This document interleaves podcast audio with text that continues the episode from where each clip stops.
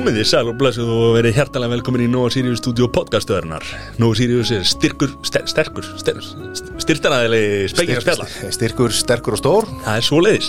Lakrisbókin, kominn aftur. Hann var, hann var, hann var uppseldi eh, Hann, hann rauk úr hillum, skiljanlega. Mm -hmm. Besta útspil, nammi útspil sem ég hef séð bara í mjög langan, langan tíma sko. Það er bara hólir Ég var að selforsi og hverjargerðin var að fylla á þetta þar í, í búðunum. Sælir Þetta er, þetta er visalt út um alland. Út um alland. Þakkum Nova Sirius kjallaði fyrir stuðningin mm -hmm. Ábyrrandi Það er fána sísón Það er fána sísón Það er, nú er komið vor. Það er sko sangvært spáni að verðast vera að tvekja stáða tölur loftinu. Mm -hmm. Og, og lítur, út fyrir, lítur út fyrir að vera búin að bólisetta alltaf þó hann er bara um mitt sumar Eða snemma eitthvað, ég veit ekki alveg hvernig þetta er. Hvað er meira viðandi þegar allt er upplið? Að flagga. Flaggi heila. Já það er bara, það er ómissandi. Þeir sem, þeir sem að eru með fánastökk heima það er svo voldugt. Það er, það er svo mikill sjarmi yfir því þegar maður hérna, sér hús. Þegar það er góð fánastöng fyrir utan mm. góð fáni mm -hmm. það gefur gefur eigninni rosalega mikla vikt sko. Nei, þetta er bara þetta ég er, er, er hjartalega samanlega öll fyrirtæki og einstaklingar bara já, hendur, sko, fánar henda við öll tækifæri fyrir alla. Herri ábærandi, Magnús að ábærandi Er þið frábær þáttur núna framöndan og við skulum ekki hafa þetta lengra. Veisla, kerum við í gang Það er risa þáttur. Alveg er gestu komin Tómas Tór Hjartalega velkomin Já, takk hella fyrir það. Númer, hvað, þrjú? Er það þriðarskipti? Ég held ekki, fyrir fjögur. Nei, þriða Þriða? Þú veit að gott að það er einbyrna sem er með þetta reynu Þeir eru þú veist, einið sem sko, hlaðarstátturinn á Íslandi sem vil tala við mig? Já, það er bara forrættind að fá þig. Já, ég, ég, veist, ég veit það. Já, ég, það eru, ég veit það já, Ég veit já, það, það eru forrættind fyrir ykkur að fá mig. Ég veit það. Að, hérna, En ég veit ekki, einhvern veginn Ég hef rosa margt að segja En það vil einhvern veginn engi tala við mig um ykkur. Hvað er það? Ég veit ekki, ég veist þess að ég er bara mjög gaman að koma sko. Já okkur finnst það bara líka gegja að einhverja aðri sé ekki Fælið að Sölvi væri bara múin að fatta þetta tala Já, við þig, vá, úff. Þá væri þú bara þar. Ekki ég mér sem þetta er áskrift á þáttar 990 Við, já, við höfum þurft að frá að hverfa og vera með á súból, sístu tvö súból höfum við verið með verið með Andra og Biggi. Ólafs, já. Mhm. og þar á enda vorum við með já, Ormslif Ormslef og, og Biggi var líka með honum eða ekki? Já. en þú varst fyrsti súbúból hérna, leik greinirinn okkar.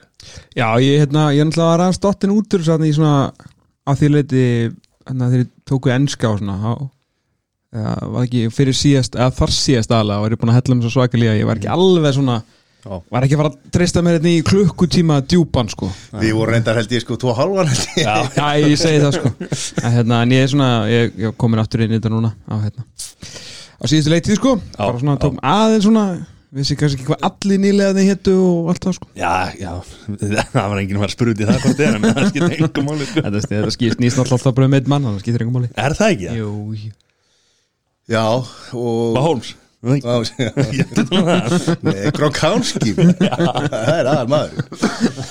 Já, eh, Þú sko Örstutt, ég veit að við erum ekki að færi það Nei, En uh, þínir menni Patriots mm ekki, Nei ég, ekki ég, beintir ég fylgdi Fylgdiru breyti? Já, já, já, já. Hann Hann er þú ert tjemp Hann Já, er sjálfsögur í champ. Ég er Já. náttúrulega, er, náttúrulega mesti stuðnismæður Tom Brady á Íslandi og líklega á Norðurlöndum. Ég hef ekki rannsakað þetta frekar sko.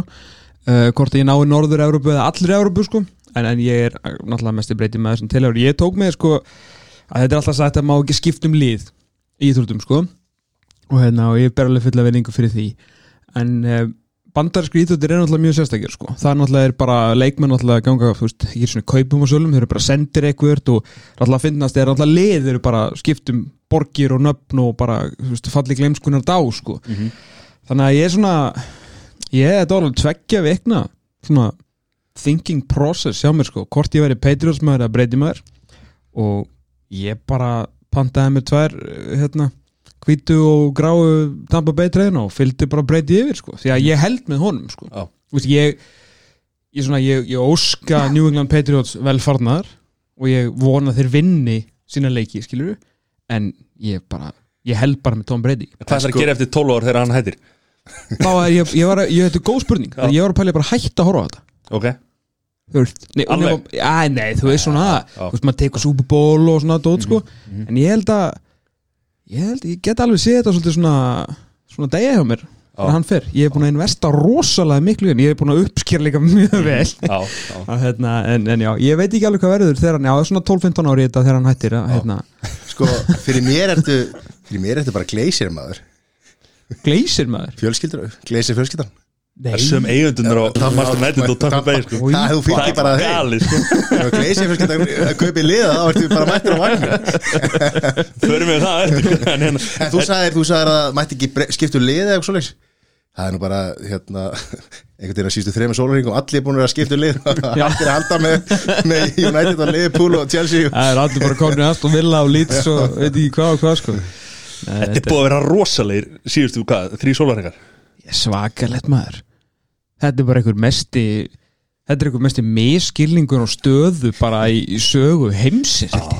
ekki bara í íþróttana hvað heldur þessir menna myndu gerast bara ég þetta er ótrúlegt, sko. þetta er náttúrulega tengist líka þess að við erum að tala um þetta bandarinsk íþróttalíf Mhm. að þeirra, þú veist, hvað held fólk á endi, ég skil reyðina mm og ég fagna þessari reyði og hvað fólkið stóð upp og þessir 150-200 telsistunnismenn sem mættu og raun og veru bara ég, þeir bara kveiktu í þessu drastli í ger Mhm. Ég meina þá raun og veru þeir. Ég veit að hún það er eitt að segja, veist, Gary Neville og Gary South, nei, Gary Southgate, Jamie Carragher náttúrulega til mikillar fyrirmyndar í sjónvarpinu. Mhm. bara gaggrínir og veist, reyðir og ástriðufullir en, en, en sangjarnir og, og heiðarlegir í sinni hérna, gaggrinni en þessi menn sem að stýra þessu alveg vanir að sjá veist, talking heads vera gaggrina og í öllu sko, hvort sem þessi viðskiptalífi í íþróttum sko, þeim er alveg drullu saman Það er gleysi fjölskyldan búin að fá mikið drull yfir sig síðust ár frá því kefti Master United Já, Þeim er bara drullir saman alveg drullu saman og Tampa Bay og glemum því ekki FSG á, á, á hérna, sem á leiðupúla og Boston Red Sox. Mhm. þú veist, ég meina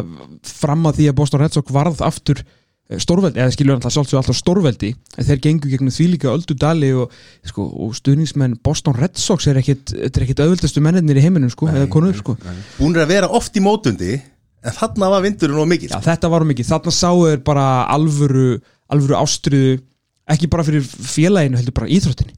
Heldur bara íþróttinni sjálfri. Það er bara menn voru ekkert að kaupa þetta. Þú veist, og þetta voru stuðningsmenn liðana sem að voru að fara í deildina, sko. Þetta var ekki eins og voru stuðningsmenn Everton eða, eða Aston Villa voru mættir fyrir utan völlin þetta er bara, það er bara að segja herri, hérna, ykkar lið til hamingju, þið hafa verið valdir í uh, það sem á að vera stærsta deild í heimi. Þið munum fá alla peninga í heimi og geimi og fá að vera með í þessari deild. Þeir mættu að mótmæla af því að þeir vilja hafa fótboltan eins og fótboltin á að vera. Og það er alltaf mjög fyndið að Chelsea og Manchester City hafa alltaf verið fyrstu liðin út sko þegar rúsneskur oljujöfur og hérna og menn frá Abu Dhabi eru einhvern veginn farnir að skilja geimið betur heldur en En er, kanarnir það, sko er það ekki eins og, eins og sérstaklega eins og með City sko? Þú veist þó að Chelsea voru fyrsti til að fara út úr þessu ekki Já, þau voru fyrstu til að svona láta vita að þau myndu fara en City er fyrstu formlegu, þú veist Já, bara já. þú veist, munar einhverjum 20 myndum sko En það er líka eins og, þú veist, ég heyrði hérna Gary Neville og, og hérna, þá tala um það að, að hérna, er eins og eigundu City, þeir eru að koma hana til þess að gera, sko, koma sínu hvað sem maður, þeir eru að uh, þannig að þannig að hérna, afstæðan í þeirra landi Ég, hérna, að, þe- þú veist, þeir eru að koma set, hérna, til að búa til gott Vá, þeir, þeir, eru, þeir eru bara hvít fyrir sig. Já, já, veist, þetta já. er bara til að búa til nýja og betri ímynd fyrir Já, sjálfa sig og meðan þeir eru bara er- hérna, að gera það sem þeir eru að gera heima fyrir. Og þeim vantar ekki pening, sko. Þeir hafa ekkert við þess að ofurdelt að gera sko. þeim skiptu þeir engum mál Voru þeir bara ánæður að fá að vera með í partíinu? Af því að ég, nú vantarlega sko, Sko- sko, það- Barcelona og Real Madrid eru í vondumólu Já, þau, að virki verulega. líka. Já, þetta var náttúrulega snýrist miklu meira um, um þau og því á endanum sko það hérna, stóði í yfirlýsingunni hjá, hjá Chelsea að hérna, eftir að hafa komið inn í þetta sent í síðustu viku veist, það er eins og þeir hafa bara verið hlutað þessu í fimm daga kannski. Já, ok. Og síðan alltaf sá bara Róman í hvað stendi og hann bara, herri, ok, bæ alltaf nefndi þessu ekki, sko. Var Gekkja alltaf skilti hann er ekki þrjár. Set, er ekki three yachts enough? Það var langt besta skilti var alltaf We want our, hérna, windy night in Stoke sko, það var geðvig en á endan þá alltaf snýst þetta að, að því virðist náttúrulega bara um, um kanana sem hann alltaf skiljið ekki og, og hérna þegar svona reyðis rikið einhvern veginn hefur sest á borðið þá áttar maður sem alltaf því að þeir skilja hvorki uppni niður í íþrótt þar sem að þú þart alltaf að að keppa um eitthvað, fattur, þú veist, þeir eru náttúrulega að vita að þú annarkvort þetta er bara world champ eða þú ert bara ekki með mm þetta er bara Ricky Bobby, sko, Talladega Nights if you're not first, you're last. Og þeir eru alveg, þeir eru alveg guttir af það veist, það er bara eitt sæti það er bara World Champions og þú veist, ok, svo er eitthvað American League East winner og svo getur verið, þú veist, Conference Champion eða unnið The Pennant, þú veist, eins og í Hafnaboltanum sem er mm -hmm. bara að vinna þína deild og svo getur verið World Champion ef þú vinnur ekkert að þessu, þá skiptir ekki máli mm -hmm. það skiptir engu máli í NFL-deildinni faktist hvort þú vinnir þrjáleiki eða sjöleiki ef þú kemst ekki í playoffs, skiptir engu máli mm -hmm. af því að hver leiku sem þú spilar er bara, er bara cash cow þetta er aðeins öðruvísi í hafnaboltanum þetta er náttúrulega 162 leikir og svona fattur, að, og við þekkjum kannski game aðeins betur í, í NFL-deldinni að hérna, þú veist, fáir leikir rosalega hári, nýju sjónvarsamningurinn í NFL því líka vittlesan sko, -hmm. að tala með hennar auðvitað er sjónvarsamningurinn í Premier League svo æfintilegur út af alþjóðaréttinum mm -hmm. en heima rétturinn í bandaríkjunum á NFL-deldinni, þetta er svo mikið vittlesa þetta er svo miklu peningar sko og svo voru alltaf voru að bæta leik við núna en þetta er náttúrulega sem grunn hugmyndin að þegar að, þú veist, Gleisir fullskiptan, og sem Malcolm Gleisir heitir náttúrulega kaupir þetta á sínum tíma að þá mætir hann inn. Og þeir eru bara alltaf hérna, champions, ég, ég man hérna, veit ekki hvort að séð Entourage státtinn þegar þeir eru hérna við ströndina og ég man ekki að gamli leik, hvort að Roberto Valli eða eitthvað, eða svona gamlu leikurinn sem voru að horfa hérna á Manchester United Blackburn í undanáslutum Delta byggasins og þeir hendar, þú veist, ég vissi það Já. en, en þeir sögðu þetta að væri the Premier League sko Mhm. og bara er þetta veðja á hann leik bara yeah, betting on Manchester, they never lose og það var bara, þú veist Mhm. eina sem að kannin vissi var bara Manchester, they never lose Mhm. herru svo bara fer gamlinghallin það fer allt í skrúna, þeir vinni ekki neitt herru svo bara komast þeir ekki Champions League hvað heldur að Malcolm Glazer hafi sagt bara fyrir ekki þau nú ég skil ekki alveg, ok, hann er þetta á en þú veist Joel Glazer og sinirnir ég, ég skil ekki alveg. Hven, hvenar er hérna Champions League leikurinn, erum við að byrja í september? Nei, við komumst ekki Champions League. Skildi ekki, við erum í Champions League. Veist, bara peningarnir sem eru vanir að koma inn þeir koma ekki, við, af, af hverju? Já, já, þeir, þeir, meinarðu? þeir, bara fattu þetta ekki. Já. og ég veit þetta hljóman eins og sé að segja eitthvað grín Mhm. en ég held bara í alvörunni að þeir fattu þetta ekki. Mhm. Þau verður átt ykkur á því að gleysirfekkandir ef við kannski einbjönd okkur aðeins meira að þeim af því þeir eru í NFL-deitinu og við við skiljum hann aðeins betur. Uh, þeir eru sko glemðu því ekki að áður en að þeir fá besta hérna leikmann mannkynsugunar til að kasta bolta eða bara spila íþróttina þessast hérna, amerískan fótbolta, Tom Brady þá var Tampa Bay Buccaneers versta íþróttafélag sem bara per árangur Mhm. í stóru bandarísku íþrótturum ekki í NFL, ekki í NBA veist, og ekki hafnaboltað ísokki heldur yfir allar. Þetta er mest trúða franchise sögunar Mhm. en, al, en græða samt að tá á fingri sko.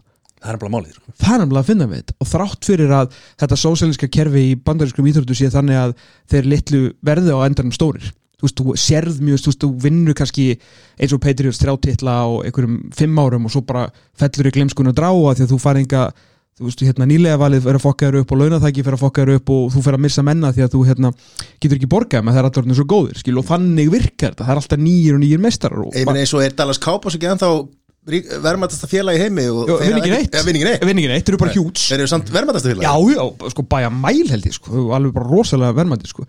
Uh, en þetta skiptir þá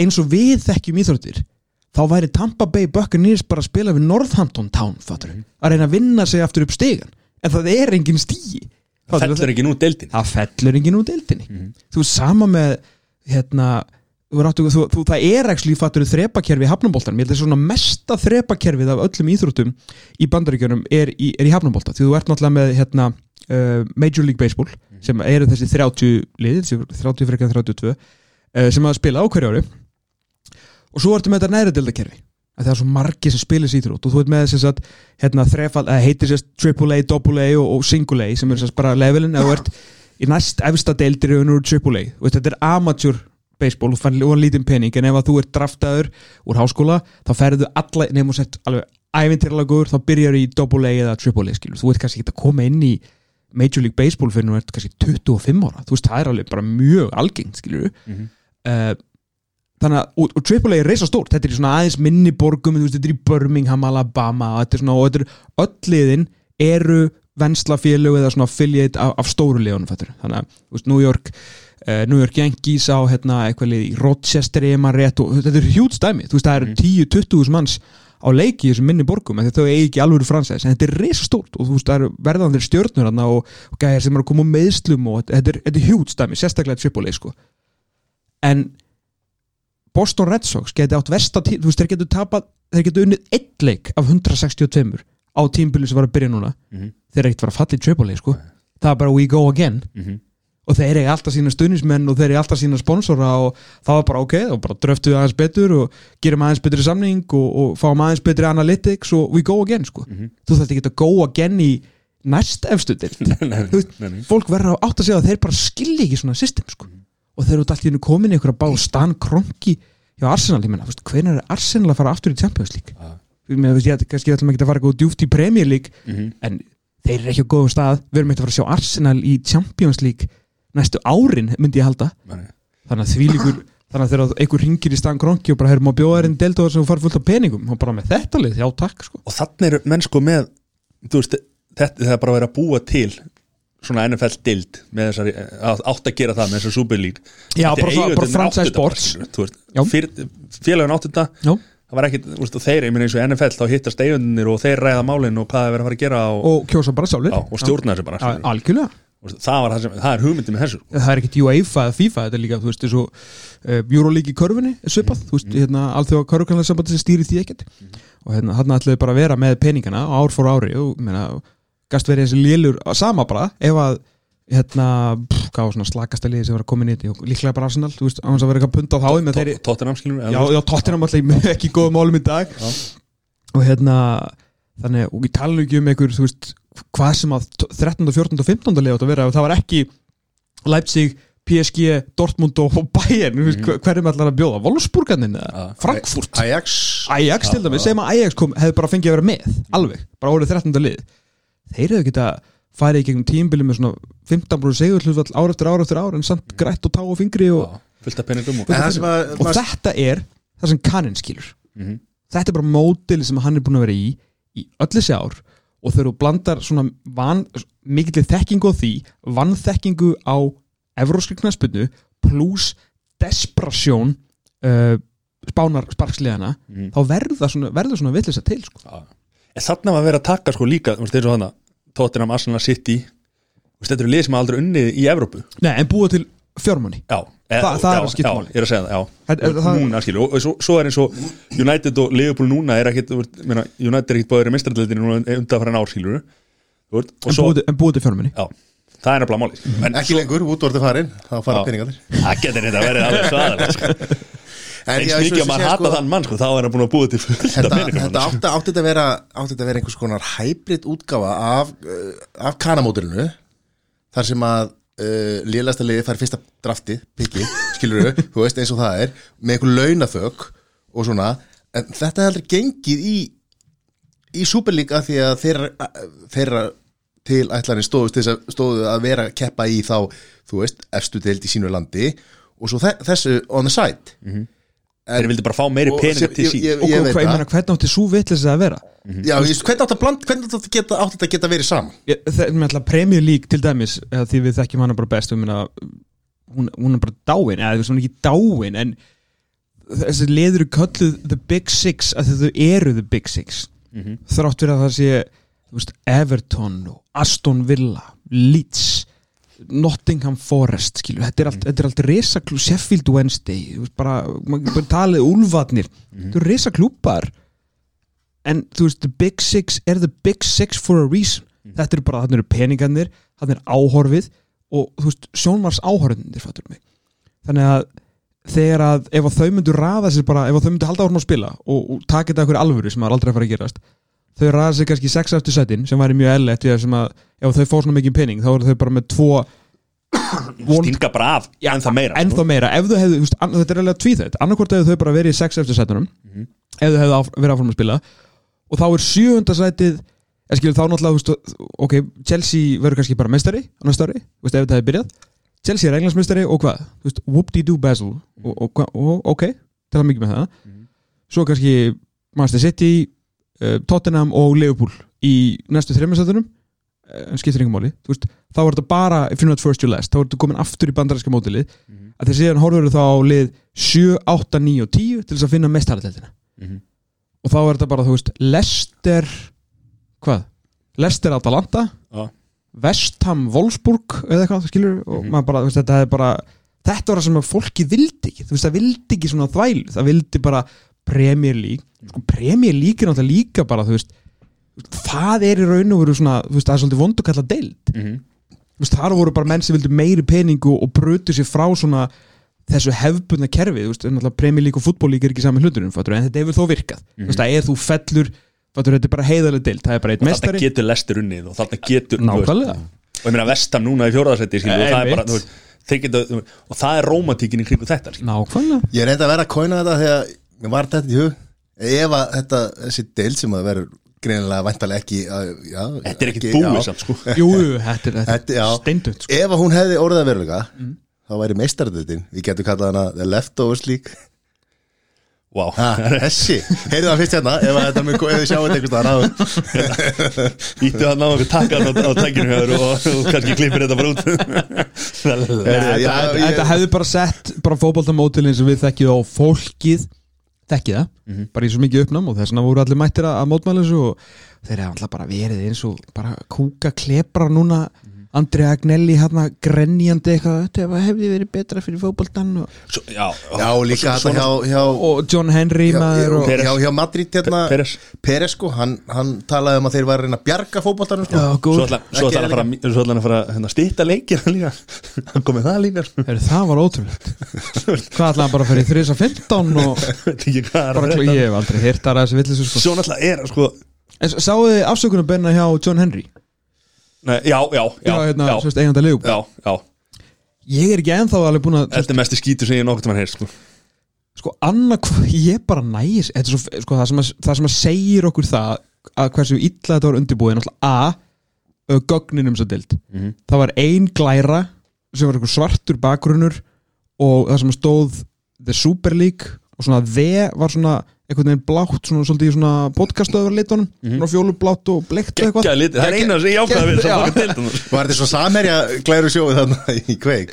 Nei, það var eiginlega meiri vinna samt lögðu það sko, það voru allir einhverju peningar á baku það það var alveg ljóst að þeir voru ekki búnir að fá lánalínuna því að það var ekkert lagt í þessa kynningu Já. Og svo einhvern veginn þessi afsökunarbein John Henry var bara eitthvað, já ég brást ykkur, bara, þú veist, ég skil ekki alveg. Hann að reyna móka yfir sjálfa sig bara þú, til þess að þú ert búin að eiga þetta félag eitthvað svona mest, eitthvað svona trúustu og tryggustu og, og hérna á sömuleiti bara biliðustu á jákvæðan máta stuðnismenn bara nokkus íþróttafélags í heiminum. Bara eitthvað, eitthvað svona mesta bara svona clear heart skilur bara stuðnismenn og þú ætlar að fara með þá í eitthvað monni lík sko. ég skil ekki alveg hvað og ég áttaði mikið á hvort þessi afsökunarbeini var bara svona wow, ok, við slöpum ekki með þetta eða bara wow, please ekki drepa mig sko. Ég held að það veri bara sitt lítið á, á kóru sko. Að, sko, Hann var alveg Ég horfði á þetta í morgun eitthvað svona, Það er einhverjir stuðnismenn Leopold sem er að kaupa þetta Þú veist, já bara, hann er allan að, þú veist, hann er allan að trúr og kemur með eitthvað annað en Joe Glazer, sko, ég vil ekki að Joe Glazer fara að segja eitthvað þess að þá er bara eftir að láta maður hata hann ennþá meira örgulega skilur því að hann er ekkert eitthvað, "Uh, bara sorry maður Já, bara, og hver, er síðan að fara ma margir vilja fá þá í burtu Mhm. Þú veist, FSG hefur gert fullt af frábæran hlutu fyrir Leifbúl sko. uh, hérna, ráningar á, á yfirstjórn og var náttúrulega átt að segja því að Klopp Le- náttúrulega að líka Liverpool er sko í síðustu hérna, Deloitte Money League eru þeir þessi 100 miljónu punta þessi 4,2 og 4,1 þessi 100 miljónu punta á eftir Manchester United Mhm. Billy var tölvert breyðara þegar þeir mættu hann inn og árun þeir fóru að ráða Michael Edwards og, Stjórgen Klopp og búa til það mótel sem að þeir eru í núna sko. Mhm. þannig að er ekki, þetta eru, þetta eru hafa verið mjög góðir eigundur þó þessu kannar sko. Já.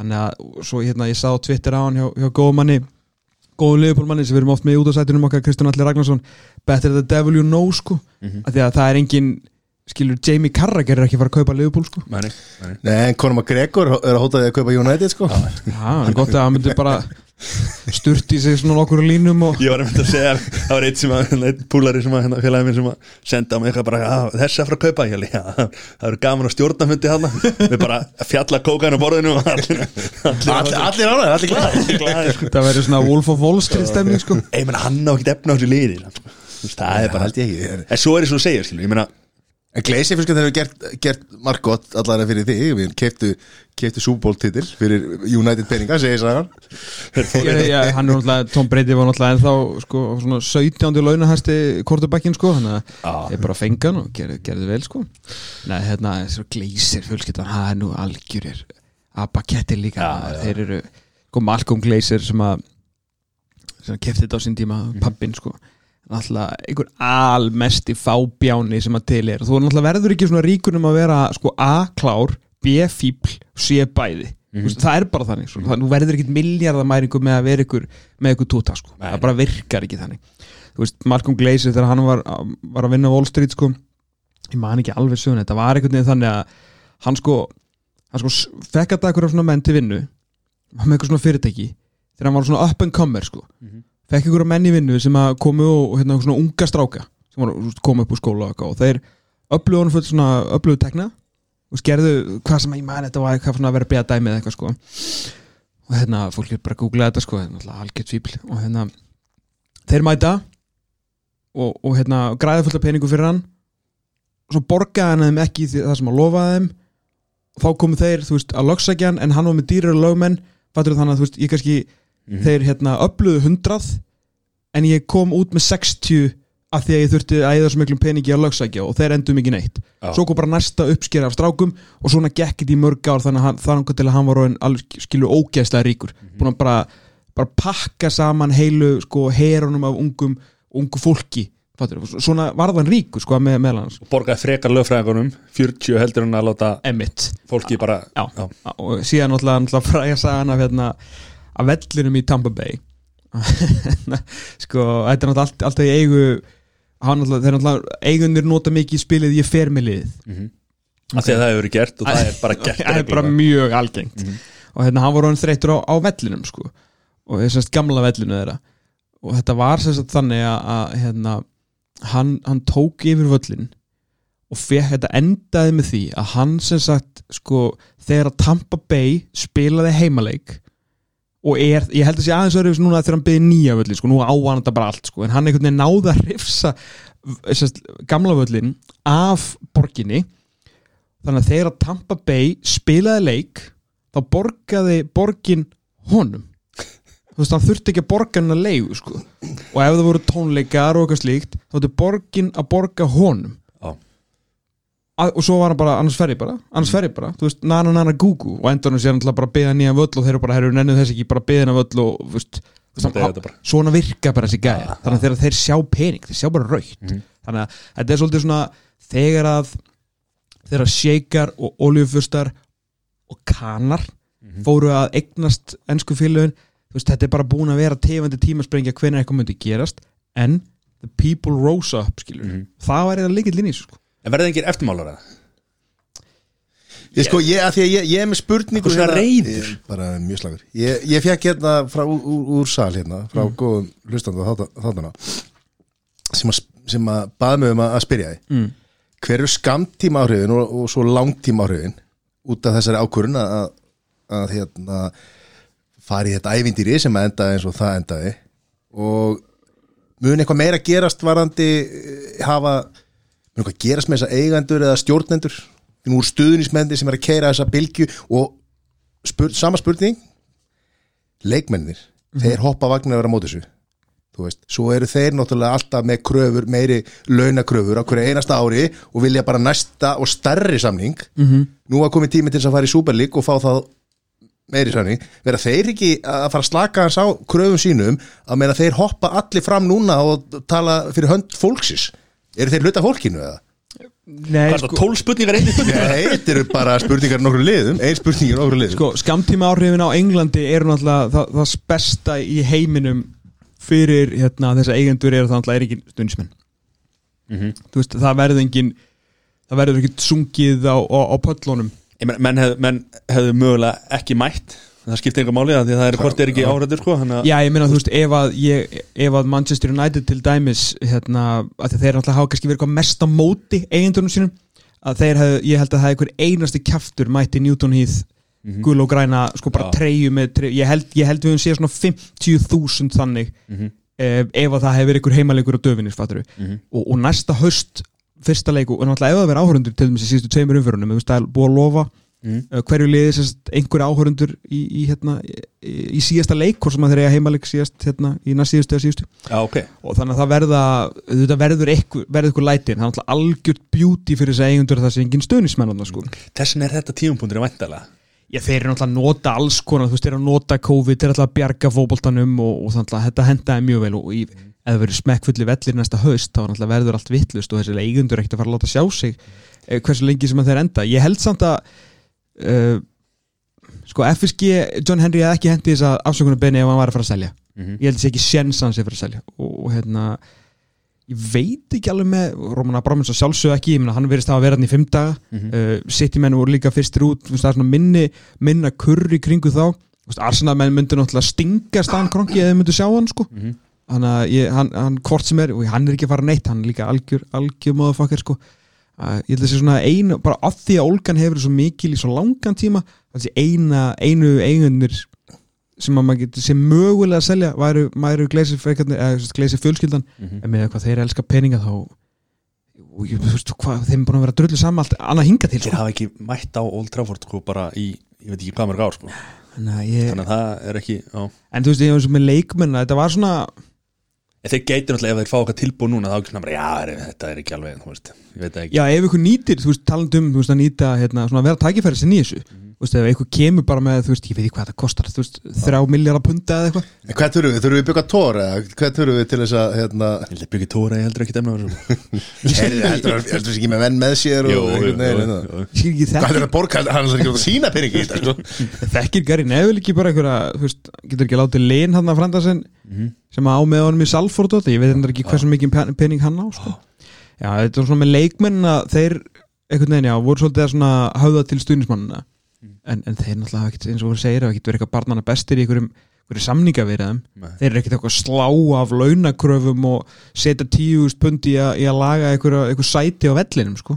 En þannig erum við að tala um, sko, ok, þannig að þessir gæjar sem voru að stopna þessa Super League, þeir voru að tala um það að þeir var að fara að bjarga fótboltanum með því að, sko, og, og bjarga félagunum mm -hmm. nú erum við að tala um þessi Real og Barcelona og svo hérna Juve Juventus og, og þessi lið eiga bara enga pening samt að núna Real að gera fimm ára samningu við hann Alba hjá bæinn, sko, voru að kaupa hann mm. sko Real er náttúrulega í, í, alltaf í betri málum heldur en, heldur en Barcelona sko. Já. Barcelona alltaf með svo svakalega skuldir að en að- þeir gerðu einhvern stjartfræðilega samningu við Messi Mhm. þú veist, akkur láta hann, þú veist, ég veit alveg að þetta er rosa auðvöld að segja þetta skilur, en veist, það þarf bara að lækka þú veist, ef þú ert með fyrirtæki sem er fór hausinn þá þarf þetta að gera eitthvað Já, veist, að lækka ég- launin eða það þarf að gera eitthvað. Og, og það er vandalega það sem er að fara að gerast hjá Barcelona. Ég menna, þú veist, Messi hlýtur að fara núna. Ja, þú veist, samt einhvern veginn, þú veist, ef þeir enda bara sem tvöfaldi mestarar og, og hann einhvern veginn búin að finna gleðin og nýja, þá veit maður ekki hvað verður. Já. hann getur ekki verið þarna á trilljarð á dag Þannig, áfram, sko. Þannig að já, þetta verður, maður er bara svo fegin að þessi búið, sko. Mhm. þetta var, veist, það voru allir svo brjálaðir í alveg, þú veist, í að komin í húsleika um 6 og það var hérna, uppbyttum fórglæðan 18.30 og ég sé bara eitthvað, ég var nýbúin að sjá á Twitter Peter Cech eitthvað úti að hérna, að, hérna byðla til stundismannum að færa sig. Já. og ég bara byrju hvað er í gangi hérna? Svo mæti ég inn og bara, herru, klukkan er 18 þú veist, 25 og við erum bara með viðmynda vellinum, skilur, bara inn í, inn í minnstjórn og það er bara engin út á velli, bara hvað er liðið? Svona, alltaf, bara allt í hennu leikurinn fór stað, þú veist, hún er með senkaðan korter og súpilíku dögt, já, bara andvana fætt. Mhm. Þannig að bara gaman að því, sko. Já, já, já. En það var leikurinn er þegar sko. En þú sko skautaði fram hjá Þú veist, eru eru leikmennir að spila sig sem einhverja engla? Af því að þeir hafa þeir, sko, líka, þeir sjá líka bara grænt eins og þessir eigundur, sko. þeir sjá peningarna líka sko. þú veist, margir að þeir það er náttúrulega um leið, um að vera segja, hérna, um leið að vera að þeir get ekki spila fyrir landslið og, þú veist, en FIFA og Júfa er, þú, það er spilling þar já, já, Já, því að sko er meistardeldin ekki bara Gazprom uh, hérna, Mastercard-deldin skilur Jú, þú veist, hún er alltaf búin að búa til rosalega mikið pening fyrir þessi félög. Þeir vildu bara meira, vildu meira og meira og meira og meira, meira, Var meira. þetta hluti af einhvers konar að ná einhverju samningsstöðu? Ætluðu þeir, var þetta alvara eða ætluðu þeir að ná samningsstöðu að hóta því að búa til einhverju svona deild til þess að ná betri samningsstöðu gagvart uh, og meiri peninga úr hýtunni, varandi sjónvarsrétt og annað, úr, Mhm. úr League og, og meistardeildinni og þessu. Var þetta allt ruse sem að sprakki höndrum að þeim? sko þetta er náttúrulega snýst allt í grunnum peninga og þeir eru náttúrulega búin að veist, í gær var náttúrulega tilkynnt nýja hana, svisneska mótilið á meistaradeldinni það er búin að stækka hana uh, sem tekur náttúrulega gildir núna eftir þrjú ára fyrir, eða kannski tvö ára fyrir allan ekki inn í nýja samningi núna í haust sko uh, hérna og, og þessi gæjar voru allir að, á fundum við þetta og þannig að síðan bara taka og snúa hnýpnum baki og, og öllum sem að hérna á sefirinn og, og þeim sko þannig að einhver maður pælir í hvort þeir hafi nokkuð tíma alltaf að gera þetta bara út frá eins og ég sagði á hann kynningarefninu sem var alltaf bara grín og hvað eru fljótir að bakka með þetta sko Mhm. en svo heldur þetta líka að þú veist eins og Andrei Agnelli hérna hjá Juventus ég held að hann Peres og, og Barcelona kannski aðalega samt Agnelli og Peres ég held að þeir hafi alltaf að fara allalega með þetta. En breytarnir voru bara, herra okkur bæði strax. Fattur, þú veist, þeir voru bara svona ok, alveg til í þetta. Þú veist, svo Arsenal, Tottenham, þau ætluðu bara að vera með af því að var bóðið, sko. Ég held að þau hafi ekkert haft eitthvað rosalega skoðun á þessu, þú ætlaði bara ekki að missa af lestinni, sko. Já, stóru strákunir spyrja eftir þér og vilja fá það út að leika. Þá veitum Já, við þetta þetta er svolítið mættur, sko. En hérna, þetta var þetta, var- þetta var á yngum skrítið að sjá ekki bara hérna, það kom ekki svona kynningamindband Mhm. þú veist, ég bara, ég sé kynningamindband bara þegar hérna, Guðmundur Gunnarsson er nýr hérna oddviti veristnari í norðvestukjörðami þú veist, það var bara drónamindband og Það er þetta fáralega gott vídeo Ja, gott myndband sko alltaf konum mér um kostningastjóri hann svona var ég aðeins að blokka þessu sko. að hérna uh, fattur þú veist það er gert eitthvað við alltaf þú veist Valur var að kynna búningana sína um daginn og þú veist það er eitthvað dú, dú, svaka myndband. Herri, þetta var að vera stærsta í þú veist fótbolladeild heims og við fengum eitt plagg, eða ekki svona plagg við fengum bara eina stillmynd, þetta var rúglega PNG sko, skil ekki neitt. Og þannig eru, sko, þú veist þó að þessi mörg af þessi félögum eru fjárhaldlega sveltskilu eða þú veist, eða ekki beinin, þá er þetta samt rík félög og geta alveg hendi í eitt myndband sko. já, Ekki nota orðið svelt, þegar það er að svelta sko, þá er einhver utanakomandi áhrif sem að gera Já, ok, ok, sorry. þau eru bara, þú veist, þau aðeins þau eru bara meira brasi en þau hafa oftur þau er svona fullt af Já, pinning, sko. já, já, já. fullt af pinning Já, já, Júve er náttúrulega þarf að selja Ronaldo. Já, það er brekka. Til Júnaðið en svo, en svo er eins og sko, svo náttúrulega sem að menn eru líka rosalega pyrraðar yfir veist, eins og fyrir leikjun og hvað var ekki klopp, sólsker eitthvað þarna, veist, þessir stjórarnir fengur bara Já, það, það er Spurning. ef, ef þeir hefði verið alvara við þetta þá hefði komið með eitthvað myndbandi að menn hefði allan stíði fram og tala. Þá var bara svona eins og allan henda skiluru hérna, sko peningibrunnin og aðtóa hvort að þú veist vörðurum myndi væt, mæta sko. Þú veist, sagði engin, engin orð. Mhm. þú veist, það kom engin hérna Henry, fyrsta sem að sást frá John Henry var alltaf bara að byggast afsökunar. Fyrsta sem sést frá Ed Woodward er ekki svona hann heldur hann er bara hættur. Uh, og eini sem að talar er, er Agnelli sem er einhvern veginn svona held að hann, ég held að hann sé ég að aðal, aðal, aðal í þessu sko. Já. með náttúrulega kannski Ed Woodward sem átti að því virðist að hafa svona svolítið átt að leiða þetta á Englandi sko, síðan náttúrulega bara sást hvað hann er náttúrulega algjörlega Já. óhæfur einhverja sögur um að, að JP Morgan bankin alltaf að vera eitthvað svolítið bakvið þetta og fyrir voru, já, ég meina hann er búin að hérna, já, semst já, uh, Ed Woodward er fyrir starfsmaður JP Morgan hann er kannski kemur ekki óvart að það sé það er allan yrði helvíti mikið tilvílun ef JP Morgan væri búin að gefa hérna lánalínu upp á einhverja peningar sem ég kann ekki svona bera fram. Og Ed Woodward var fyrirhandi starfsmaður sko, það er alveg fleiri bankar til sko. Þannig, að, hérna, og það er bandari sko banki sko, þetta er svona halló. En er þetta ekki bara klúður frá upphafi til enda Jú, skilur, það er svo undibúningurinn það er verið að gera einhverja, það er verið að fara að varpa fram einhverju stærstu uh, svona frétta tilkynningu í Íþróttaheimi síðari ára og það er eins og að engi vissi neitt, þjálfararnir vissi ekki neitt leikminn, að vissi, vissi engi neitt nefn einhverju nokkru menn og það er bara hent einhverju bara svona Sko, þetta var, þetta var alltaf svona uphill battle. Bara ímyndið ykkur ef að hérna, The Allies hefur bara mætt á Normandi veist, þeir vissu að það var erfitt.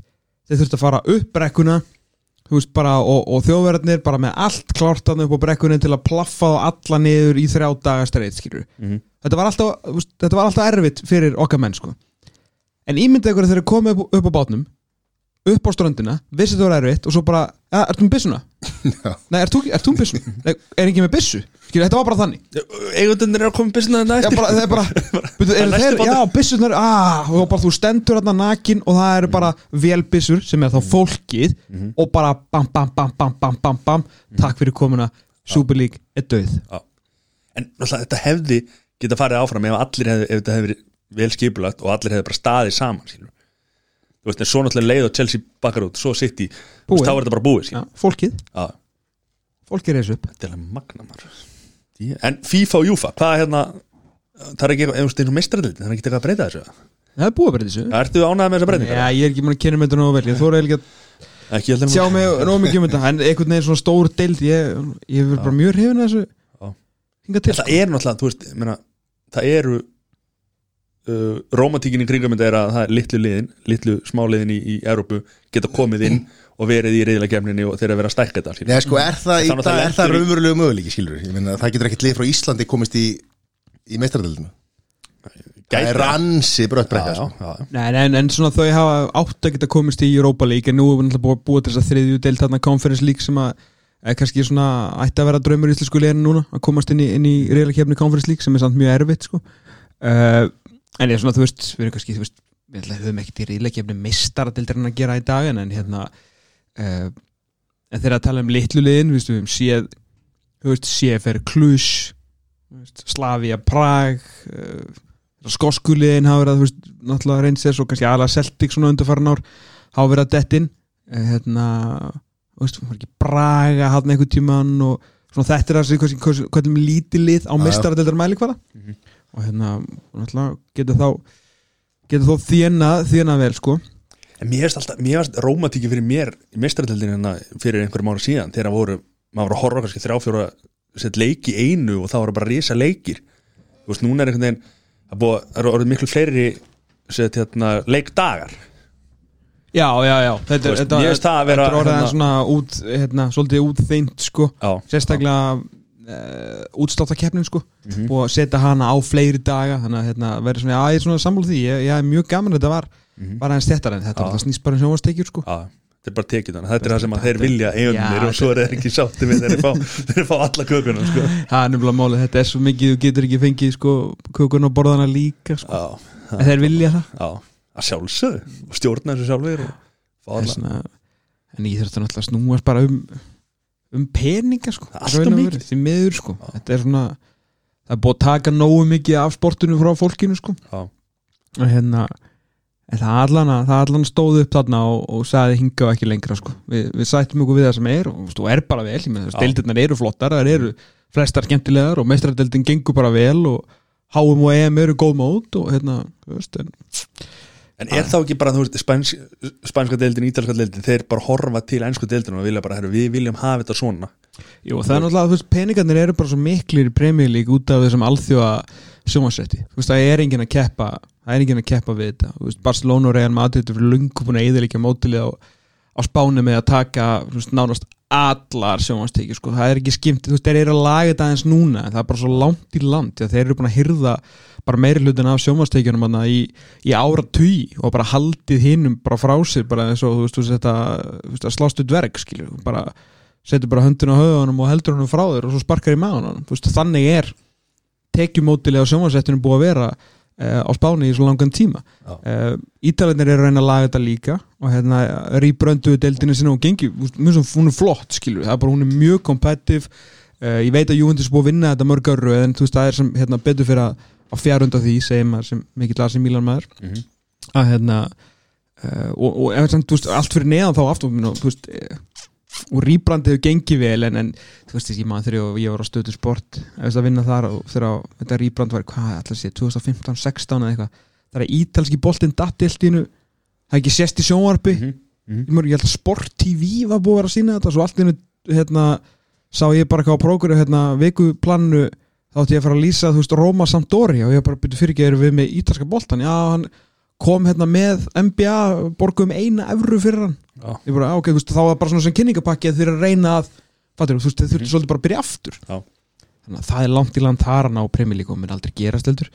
Uh, og hver er svona þýskadeldin er alltaf bara þýskadeldin hún er bara allt öðruvísi reikin og það er náttúrulega er deild fólksins. Mhm. það er eru bara allir klúbarnir í eigu fólksins fyrir utan Leipzig og hérna þannig að þú veist, þú, þú næri engin enska boltanum í, í peningum, það er ekki séns. En það er það sem er svo ótrúlega gott við ennska boltan er hvað, þú veist, önnur lið eins og vestan núna, Lester Wolves, þú veist, þetta eru lið sem þó að sé alltaf þessi topp, þú veist, sex lið kannski, Mhm. þú veist, en þá er þetta bara þú veist, Lester getur unnið þetta. Og það er náttúrulega bara sem að ég bara liðin geta verið með svo góða leikmenn. Ég held að fólk kannski fatti ekki alltaf bara skilur, þú veist, svo lestir ég veitur unnu hana uh, svo dutt er að næðis niður en veist, það er bara svo Þeir eru konin byggarúsleik núna og, Já, og, hérna, og bara, eru bara e eru í með mestraldarsæti í sínum höndum en líka bara minnstu liðin í Premier League eru miklu stærri og ríkari veist, og eiga meiri peningar um bankabók og geta gert meira heldur en stór lið á Ítali og Þískaland og Spáni skilur mig Mhm. þú veist, bara þú veist, og þegar, þegar Lester mætir og, og kaupi bara þú veist, Vesli fór fana 50 miljónu punta eitthvað, þú veist, nýt eða tvítugan miðvörð flott kaup og allt það og svo, svo margir svona leikmenn sem bara, það er svo margir góðir leikmenn í liðum bara, þú veist, frá átta og niður, skilur Mhm. auðvitað eru síðan náttúrulega liðið svo, svo City sem maður getur keft bara er bara með áttamanna varnalínu upp á, þú veist, tvo milljar punta eitthvað, skilur, Já, þetta er alveg algjörlega galið. En Mhm. fattur, þú veist, ég áttum að það er, það er kannski líka munun á þessum stóru sex og síðan restinni. Mhm. en það er bara svo ógeðslega miklir peningar í þessu, þú veist, að menn eru bara eitthvað kaupið, þú veist, Sheffield United kaupir, þú veist, norskan með því, hvað kostaði Sandi Berg, þú veist, 20 okkar miljónum punta, þú veist, það reyfist ekki stað, sko, Mhm. Skilu, þetta er svona þetta er bara svo En þegar þessi liði er mikið pening þá verða náttúrulega dýrari leikmenn þú veist, lélegi leikmenn verða bara alltaf voru dýri sko. já, já, en deildin verður bara svo competitive, sko já. Það er svo mikið af góðum leikmunum og, og þú ert ekki að lappa bara hvert sem er og, og, og vinna alla leiki Mhm. Þú veist, það er bara ekkert að gerast og það sem að fólki elskar svo mikið við þessa delta hérna, að það getur, það getur allt gerst sko. og, munur kannski er að, að eins og veist, að að það, það eru peningar í þessu Vestam á ekki að mikið peningum og veist, Chelsea og Liverpool sem þeir eru núna að berjast um þetta mestaraldarsæti við og Tottenham, mm. langt í frá Mhm. en þeir eru samt nógu mikið pening til að kaupa leikmenn og þá kemur skilur svona hversu klára allar að vera Þú- allt í hennu, þetta er inn á Vladimir Súfal og Thomas Sásek Mhm. og bara, wow, allt í hennu bara komið einhverja tvo game changera hérna sem að geta færtið upp á næsta level leikmenn sem að ættu kannski að vera bara veist, í AC Milan og Dortmund fattar Mhm. svona, þá er ég meina svona prestítsið með fullir veringu fyrir vestam Mhm. þeir bara pikka upp og borga miklu hæri laun og, og, og síðan kemur bara ljós þeir eru geggjaði leikmenn sko. svo fyrir að lána hann Jesse Lingard maður og þá alltaf svo já. það meistrættil þetta er grímast það svo er það reyndar annar mál sko. hann er geggjað sko en er, ætli sé uh, eins og þískibátti menn, uh, bara fólk hérna í Íslandi allan, menn uh, fólk sem ég tala við Mm. er að tala um sko hvað þískiboltin er voru síðast tveimur sólarningum ætlaði bara að hætta að horfa á ennska boltan og fara í þískaboltan sko. já, en af því að þar eru alltaf bara tvölið Ég, það er bara eitt lið já, eitt lið, já, af því að þeir náttúrulega kaupa líka allar leikmennin frá Dortmund á Einmitt. skýta, ský, bara á enga penning sko. En maður er samt heyrt sko að þau sem hafa farið á leiki í ennsku úrvasteldinni Mm.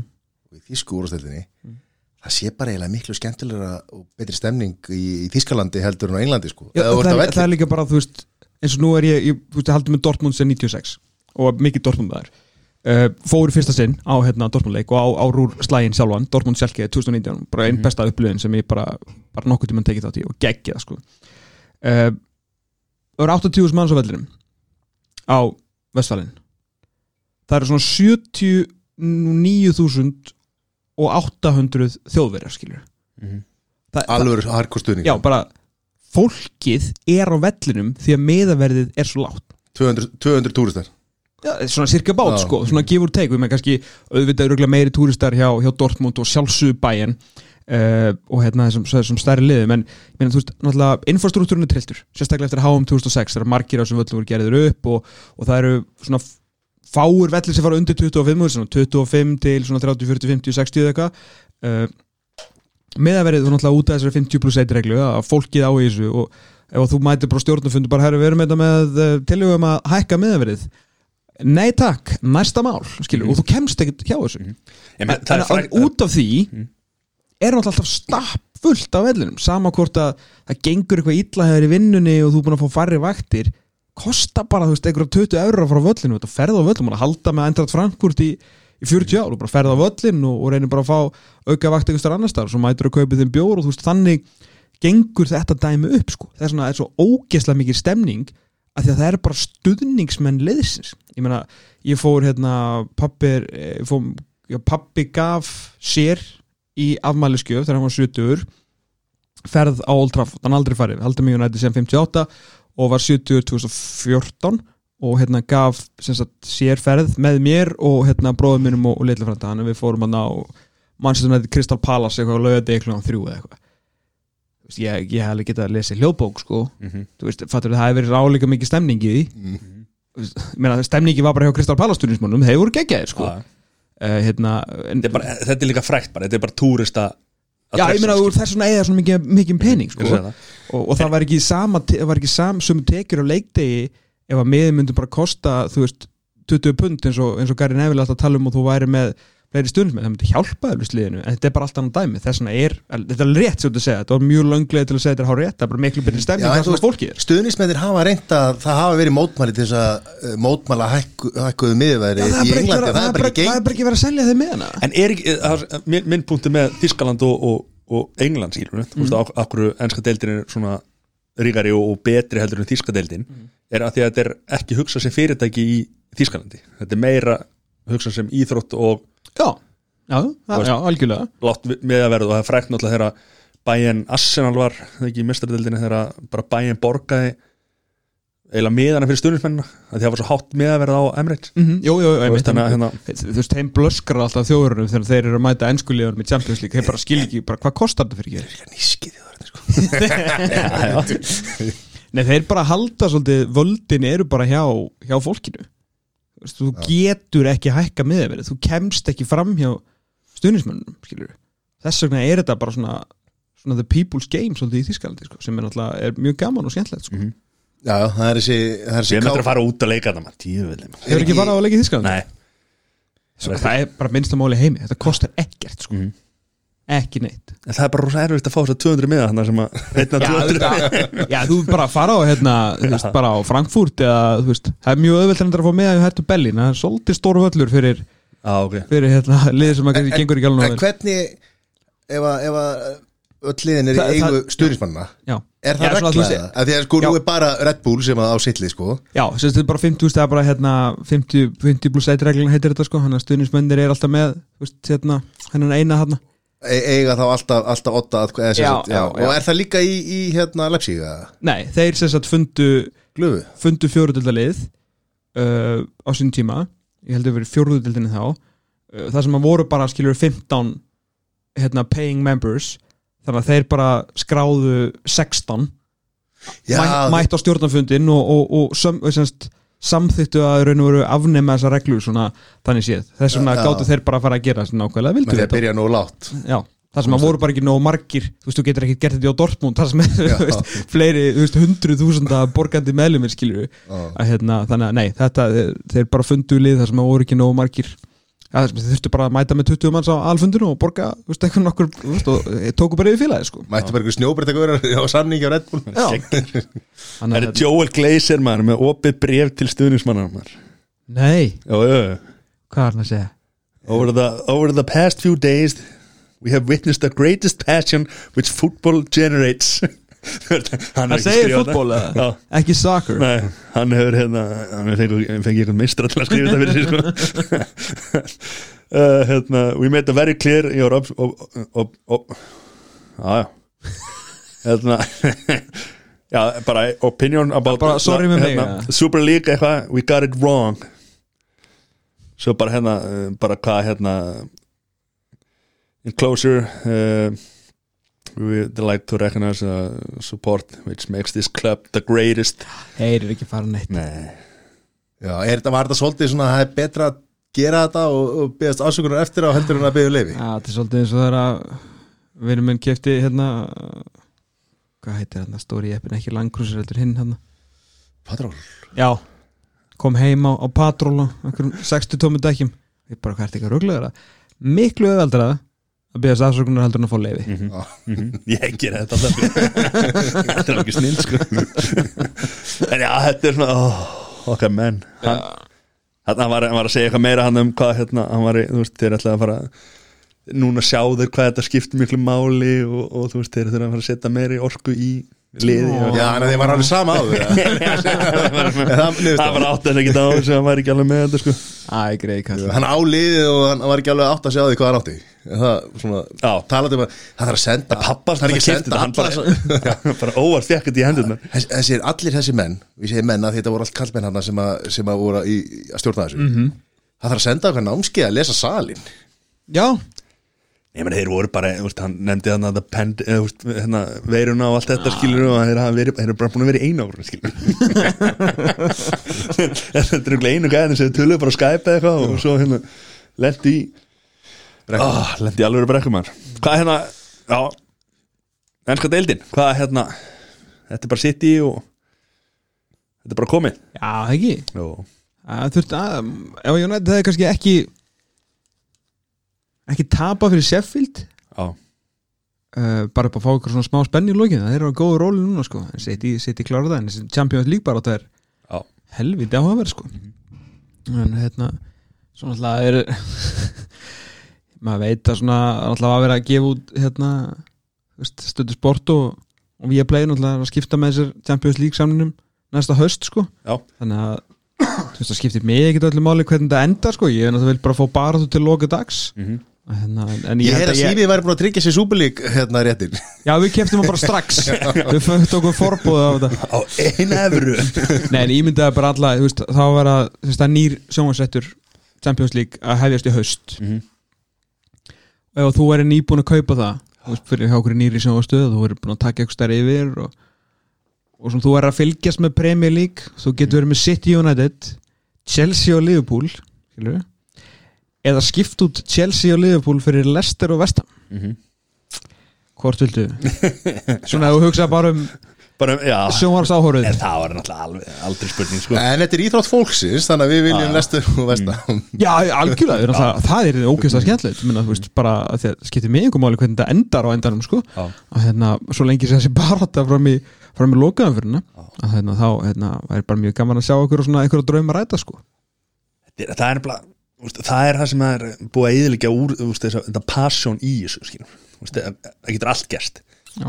úst, það er svona það er, það er bara peningarnir. Við erum að hætta að nota peninga. Já, ok.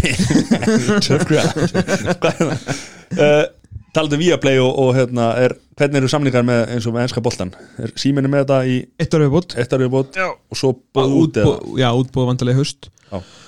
Myndi maður halda, eða þú veist, já, september-ish. Mhm. Þá hérna, kemur ljós hverju verið með þetta. Þá frá með 23 22, 22 og hvað, símið að- að- að- í þessu útbóði og, og, og Viaplay og, og stöðtöðu það? Eitthvað, maður veit ekki sko, þetta er náttúrulega allt, allt voða mikið leini makk sko. Já. það eru menn leiðir hérna, hægri vinstri til þess að svona, yðna njóstnir og þetta er, þetta er svaka, þetta er svaka sport sko, það? já þú veist ekki þú veist, ég tengjum sig ekki sko, þetta er uh, way above my pay grade sko, Já, ég, hérna, en það eru alls konar menn í flottum jakkafötum og sem að svona hittast í flottum lönsum hér og þar sem að heyra síðan í mönnum hér og þar, nú er alltaf verið að líka vera að berjast við bara alþjóðakompani sko. Er Maggi Ragga að væna að dæna menn og hérna, stjórna þessu? eða? Já, menn hann er klálega að væna og dæna menn sko.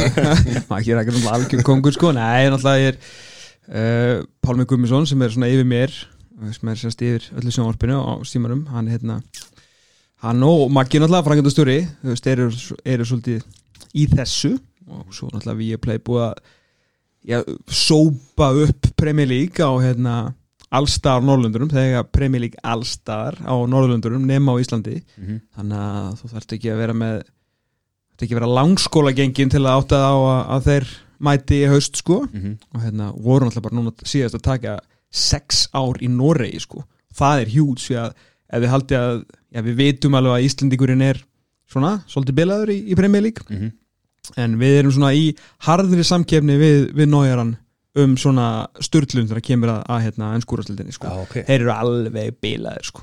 uh, hérna alveg triltir og United og Liverpool alveg jafn stórt þar og það er hér sko ég held að þetta Liverpool er algjörlega hjút sko og hérna Norma er að þjálfa í Premier League, eða ekki? núna Já.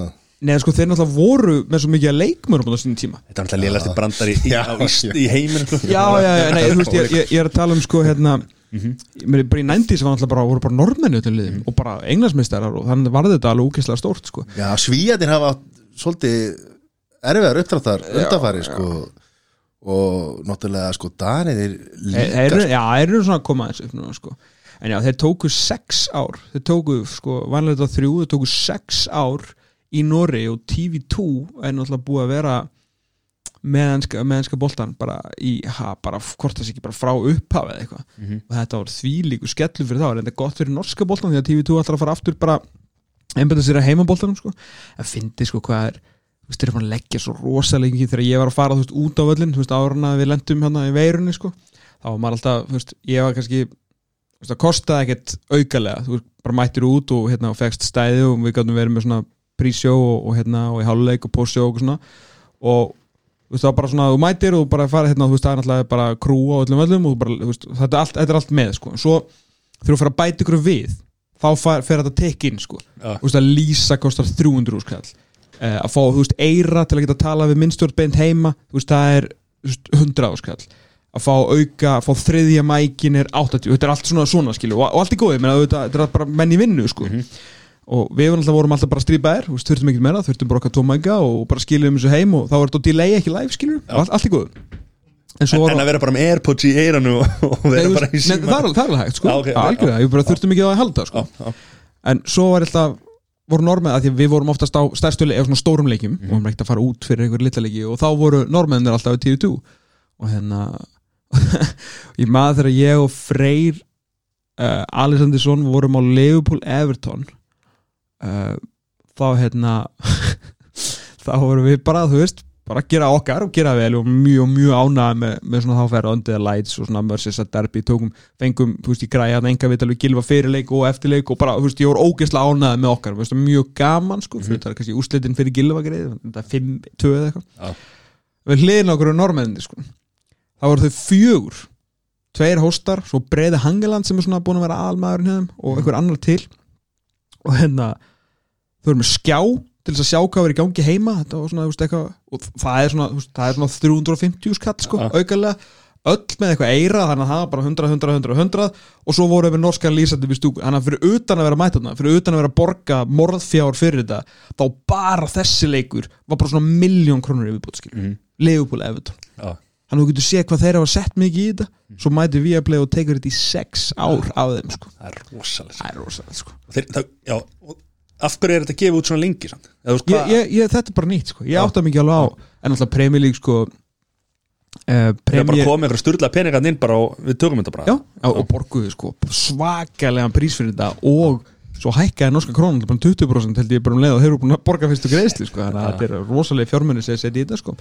Þannig að þetta er, þeir eru ekkert að, að grínast grækandi á Víaflei Hversu leðilegt er að hérna að því að þið voru að gera þetta eða er að gera þetta vel. Mm. ég ætla ekki að segja voru að gera þetta vel. En þú, að, þegar veiran kemur og það er engir áhörður og þetta er, þetta er, þetta er búið að það verður erfitt. Þetta verður e- öðruvísi sko. Þeir hérna, þetta var alltaf ógeðslega þetta var svona vandamálin breytast. Uh, fyrsta, þú veist, var endur ekkert vand þetta var alltaf mjög gaman, við náðum að hérna, ég setti stefnu að fara einu út í mánuði til að halda svona dampi í því og það tókst. Fórum sjö sinum út og þetta var alltaf mánuðinni voru sjö áruna hérna, veiran kemur uh, og þannig að það var bara, þú veist, skemmtilegt. Og svo þarna í síðustu fjórum skiptunum af þessum, við byrjum með að fara þrýr svo held ég síðustu fjóru skiptunum voru fannar að fá svona gesti með. Glenn Johnson var þarna með hérna Bjarna og, og, og Bjarna og, Eyði, svo Harry Kjúr með Loga Eyði, ég og, og Eyður fengum hérna Gustaf Poyet á United Chelsea sem var geggjað, ekki smá flott típa sko. Mhm. og, og hérna þannig að það var mjög gaman. Og þá var eiginlega eina vandamálið við að sína League að fólk var ekki ennþá búið að fatta það að það var ekki allir líki síndir fólk einhvern veginn lifir ennþá í þessu sérst hérna dæmi þegar allt í einu, þegar Ísland og Malta voru einu löndin sem að síndu alla leikina í ennsku úrvastildinni í ykkur manni hvað það lengi, 5-6 árið Já, já. og svo bara svo undan það var búinn og ég ætla að vara að vinna á stöðu sport á að klifta á þetta og þetta var bara fólk var bara mætt með kindla Mhm. á svo brjála. Ég man að yfirmæður minna á þeim tíma Erikur Stefán sko, hann skrifaði endan um einhvern pistil þú veist, á vísi til að útskýra hvað málið væri. Og þetta alltaf voru alltaf sömu liðin þá ég minna stóru liðin Mhm. sem er lendi í þessu. Þá var alltaf Arsenal og Tottenham sem alltaf var sniðgengið sko. Og þá er hérna það var ekki meina af stöðusport og ekki af okkur núna síðan heldur bara þeim var alltaf hend veist, þau, þessi leiki voru ekki framleitin. Að því að þú veist, svona smá bransatal þá funkar þetta þannig að þú farð svona það sem heitir, þú veist, hérna kórleikir og svo farið pikk og kórleikir er bara leikur sem mót sína sem eru sem sagt hátæðisleikurinn á lögadegi, síðdegisleikurinn á lögadegi og super söndileikirnir tveir, fattur Mhm. þetta eru fjóri leikir, svo færð köllum, það frýtt, þú þú veit, borga einhverja milljarið fyrir þetta, en- köllum það bara það fylgir pakkanum. Mhm. svo farið það farið 32 pikk og það er alltaf eitthvað leikur og þrjú, af því þú vilt alltaf sína leik þar. Mhm. Oftast er ekkit um mikið glæsilegt að velja laugandi klón þrjú, en svo náttúrulega datt hann inn fjóru sinnum sáðan tímbili, síðasta tímbili mitt okkar á stöðu sport. Að United og Liverpool voru að spila á sama tíma og þú gast bara að valið annarkvort. Og þá bara valið ok, tökur Liverpool núna, United næst bara skiptu þessu 50-50, þetta skildi enginn á alltaf, var alltaf villu sko. Og þetta var saman þegar við tókum við þessu. Og þá var þetta eina vandamálið innan gesalapa, það var að þú veist, ok uff, að, við erum búin að sleppa þetta tveimar Arsenal leikjum og þeir eru stóru í Íslandi skilur, og Arsenal bara reysa klúpur og tóttina líka. Tottenham líka, þú veist, við, það var enda, þú veist Síminn gerði þetta mjög pró, þú veist, þau gerðu hérna alvöru skoðanakönnun bara gallup skoðanakönnun og bara fóru inn í inn í hennan pakka vitandi hvað var. Þá kom í ljósa sem allir vita að Manchester United og Liverpool eru langstæst langstæst langt fyrir aftan þau kemur Arsenal. Uh, aðeins fyrir aftan þá koma Tottenham og aðrum, uh, og Chelsea skilur, aðrum mælast ekki. Þá er ég að meina einhverju stóru samhengi þetta þekkjum við allir einhverju Arsenal menn eða eitthvað. Já. en, en í alvöru svona samhengi fattur, þú veist, ef við bara að mæla einhverju stjórn, ef við verðum að stjórnmálfá bara fylgi, bara, þú veist, þingumenn bara alvöru gallup alvöru galvkonum, þú veist, þá, þá er þetta bara svona. En með, fullur veringu fyrir utan, það stór lið og allt það, sko. Formaður Liverpool klúsins Sóli Hólm er búin að vera að reyka þá lest já, já, já, já, já, meina þetta er hérna, og þetta er, alveg- þetta er reysa stór dæmi, sko þannig að þetta var svona vandamáli að hérna, og þetta, þetta er leiðilegt að því að fólk er reitt, þú veist, að, þú veist, að ringir inn og sendir skilabóð og er, þú veist, að ætla að hótar að hei, segja upp áskrift og okkur þetta en það áttar sig ekki á því eins og þarna þegar kom upp fjóri leikir Mm. tveir United leikir og tveir Liverpool leikir Mhm. Þú veist, ég, maður vissi þetta bara. Þú veist, maður einhvern veginn var búin að heyra af þessu þá bara, her, nú er verið að sína Liverpool auðvitað maður fúll skilur Já, auðvitað, En það- skilur, en, en það er bara það, skil, þú veist, hvað á ég að gera? Einmitt, það er ekki hægt að gera. Að ef þú myndir sína skilur báðaleikina að þá þarf það að sleppa leikstundum. Og við vorum alveg að gera það. Já. þú veist eins og þarna þegar við vorum í þessu þá voru við svona ok, þeir, það er hérna bara þú veist, eitthvað, bara Sheffield United skilur raskætið á þér og bara einhver annar ömurlegu leikur Mhm. þennan lögadaginn, en næsta lögadag eru United og Liverpool að spila bæði þá bara sleftu við leik þar til þess að geta sínt bæði Já. þú þarft að vera í þessum leik sko. Mhm. Eh, en samt náttúrulega vilt ekki vera að sleppa leiknum á þrjú því að við erum hann í opening daska og þetta náttúrulega snýst á endanum allt um peninga sko. þú ert að reyna að halda leikum í, í sjónvarpi til þess að skapa einhverja tekjur til að vinna móti því sem þú bara að borga fyrir þetta sko. En Matti, það er ekki alveg rétt að þú getur ekki gert þetta sko Þú getur hringt inn út á sögu og, og tjá þínu skoðu sko. Nei, fólk, bara öllum í bara, sko. þú veist, fólk bara hringdi í mig sko. en síðan náttúrulega hérna, það, eins og sé, þetta á vandamálið svo allt í hennu, þið megið sína alla leiki. Og maður svona, ó, næs, ok. Þú veist, allir leikir er án áhórunda en nú erum við búin að sína alla leiki. Frá því að þetta fór á stað 17, var ekki 17. júni fyrir það minna það, þetta var verið að fara á stað 16. eða 17. júni já, allan einhver, þetta Arsenal City að vera á þjóðjóðdægin sko. Svolítið margir leikir Við erum bara fimm sem lýsum sko. Og það eru tíu leikir umferð. Við erum bráðum, við erum búin að sína sko, ok, við erum ekki lýst öllum öllum, eða þú veist, við erum búin að lýsa jújú, jú. ok, þegar, þegar 23. mæri rennur upp og náttúrulega við sínum vantilega bara, við erum lýsum max tveimur lokaumferðinni, ég held að það vera alveg nófattur það, það er einu, náttúrulega síndur á sömum tíma. Þannig að þá tökum við áttaleiki af segjum 372 leikir, þá verðum við búin að lýsa á íslensku svona 360 leikim við erum fimm, sko. Það rosalegt og við erum alveg, þú veist, ég er alveg bara svona senda út eitthvað veist, fyrir strákana Mhm. og maður er bara svona Guðni minn, hérna þú ert með Sheffield United og Wolves á laugataskvöldið skilur Mhm. þannig að laugataskvöldið þetta er farið hérna fyrir Sheffield United og Wolves sko. þannig að þú veist, það verður alveg næs og Mhm. líka skilur, við erum alltaf með þáttinn klukkan 9 og sundarskvöldið, þú veist, þannig á bara að vera klukkan 17.30 Já. bara voða hugge Mhm. bara þú veist, við erum fyrir kvöldmat þannig að fólk getur bara, þú veist, tekið sér þú veist, auðvitað vill, vill ég bara þegar super söndileikurinn er búinn, Mhm. vera bara með þátt og hleypa ykkur sem bara út í lífið Mhm. ég reyni ekki að halda ykkur til tíu sko. Já. fyrir utan að við erum bara með það er bara fólk sem vinnur hjá okkur Mhm. og, og, hérna, og þetta er bara ekkert góðu sjónvastími yfir höfu, skilur þannig að það verður alveg næs ef þetta verður eðlilegt á næstu tímbili það verða áhörundur, það verða sex leikir sýndi vantilega skilur, þú veist, þrýr pluss tveir og síðan kannski föstus þessum ándagsleikur sko Mhm. og, og, og völlurinn bara okkur meðlum tíma, kannski bætu ykkur aðeins við og veist, ég er, ég er, það verður bara gaman skilur en ég veit alveg að það kom póstanir sko. Mm. Já, já, við erum búin að aðleikur upp aftur núna. í, sko, sko, í, í eitt ára erum við bara að sína ykkur þetta, þú veist, fimm, eða, þú veist, 440 leiki af 440 mögulegum sko. En- og, og, aft, og þá ætlum ég aftur að fara að klippa á bara snúruna, sorry bara, ég ætla að hérna, þú farið ekki- meira sko. Ekki United þessa, þessa, þessa umferðina. What? Þá ringi ég bara álæri kannski akkurat þegar fólk var mögulega að fara að skilja konsepti þá bara svona, nepp, sorry, teppið undir eitthvað, það verður ekki Arsenal leikur núna það verður ekki United leikur núna, bara, Já. Jesus Christ sko. Alveg, en það verður fínt fyrir okkur sem að vinnum í þessu sko. Kostur kannski við það er þá veit meina Þá getur maður samt farið nýri bæ og fengið sér kannski heldan og eitthvað á lögadegi Þú veist, það er banna núna sko. það er sko. Það er er kannski eitthvað meira veist, maður getur farið upp í bláhull og skýði og... Einmitt, jú, just, ég hérna, hérna, hérna Hjörvar Haflega talaði um daginn og hefur svona hamrað svolítið á þessu og ég er alveg sammálum það er, þú veist, það er sjarmi yfir fjóru leikjum þrjú á lögati Mhm. þú er kannski að horfa á Newcastle Burnley eða eitthvað, gefið tími það. En þú ert líka með síman og, og veist, það eru þrýrar leikir í gangi. Þú ert kannski ekki að horfa á en það er eitthvað, þú veist, allan að við sem eru kannski svona hvað dýpstir í, í Premier League. Já þú veist, við, við svolítið föttum sjarman við þetta er einhvern veginn fjóruleikir í gangi og þá er líka hægt að gera kannski meira með eitthvað þátt á skilur, sína mörki og er ekki allir búin að sjá þetta og Er ekki bara að fá Red Zone eða? Var það, var það í mistaralliðin sem þið reyndu það, hérna, Red Zone, hérna, dæmið?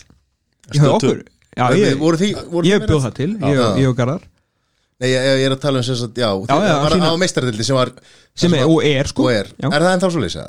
Já, Já. já, já, já, já, já, já. það er aðeins búið að lýsandi og tekin af en, en þú sérðu öll mörkinu beit sko en það alltaf má ekki í Premier League sko, mátt ekki sína ekki staf klukkan þrjúni með hennar einu leik sko Já, þú mættir ekki gera þetta þannig að þú er að fylgjast með öllu leikjurum í einu. Nei, hefur ekki séð þetta í hérna Þeir eru út í Breitlandi, þeir eru einhver að lýsa og það er- eru á vellinum að lýsa en það má ekki sína Jú. neitt úr þessu sko. Þa, það er svona, það er svona gengur það dæmi upp sko.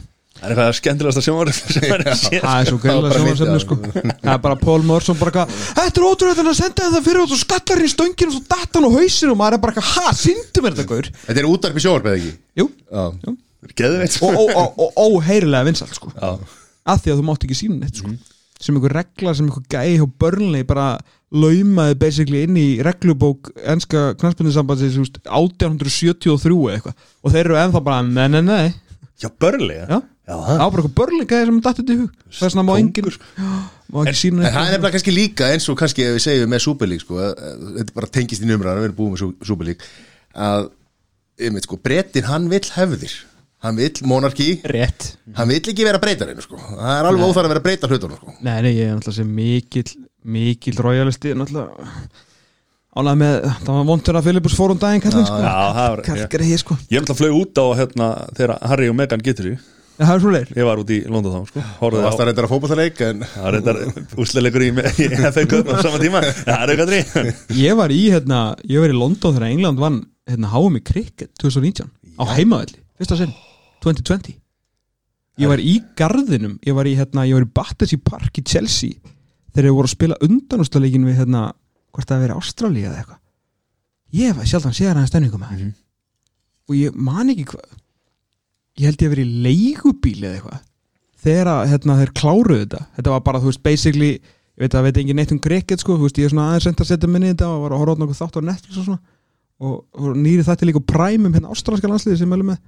Að hérna basically þetta var bara þryggjast að karfa í, þú veist, þrefaldri overtime.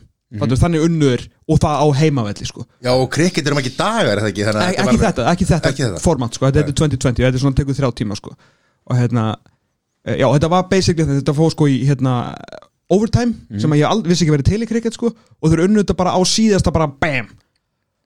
Ég fann bara svona jarðskjálta í, á Englandi sko. Hefði verið leigubildi og leið á hérna, hafnaboltaleik Yankees Red Sox það var svona, þú veist, showcase leikur sko, þeir eru alltaf með eitt leik þar núna. Mhm. maður fann einhvern veginn bara svona jörðin að titra leigubilsturinn trompaðist maður og það var allt eitthvað. Já, ég var, það var stemning sko. Það er stemning já, Líka þeirri brúkup, ég var mættur tíu um morgunin á barinn sko. Ó, Þegar Harry og, og Meghan Já, voru þú hefur verið mættið tíu á barinn þá hefði ekki verið neitt brúkuð sko.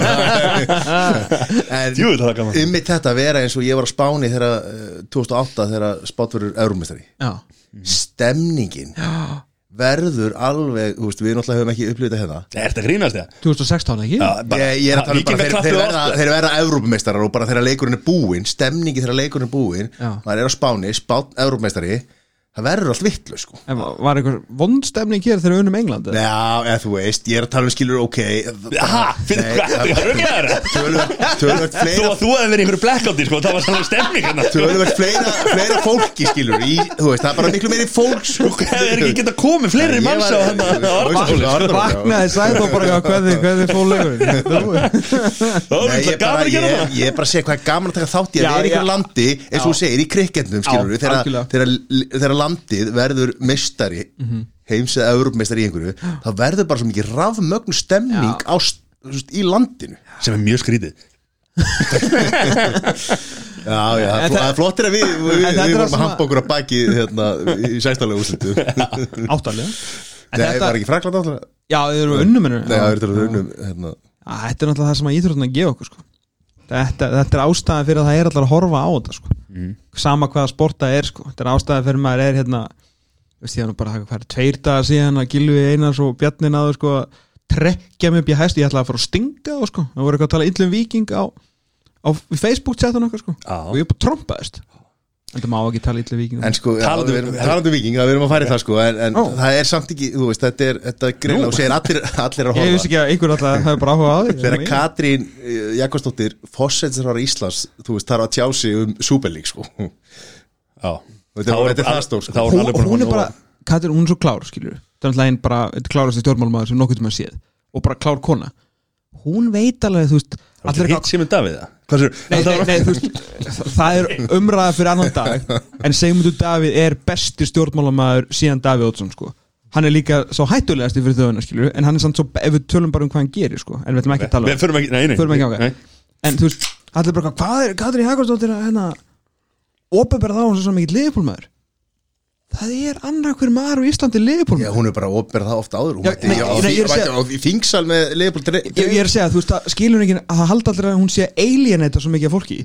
En nú, þeir fatt ekki á móti þeir eru svo margir sem halda með þessum klubbi skilur, hún er búin að fá, pottum fá fleira aðkvæði og kostninga framöndar og svona Ég er að- aldrei fyrir ef- sko. ef ég held með Everton Já. skilur, og ég er sjálfstæðismæður þá er ég ekkert að fara þú veist, þá er ég bara svona, ok, þú veist, Katrín er bara hann en þú veist, ef að ég myndi freka fara til hennar sem liðbúlmaður Mhm.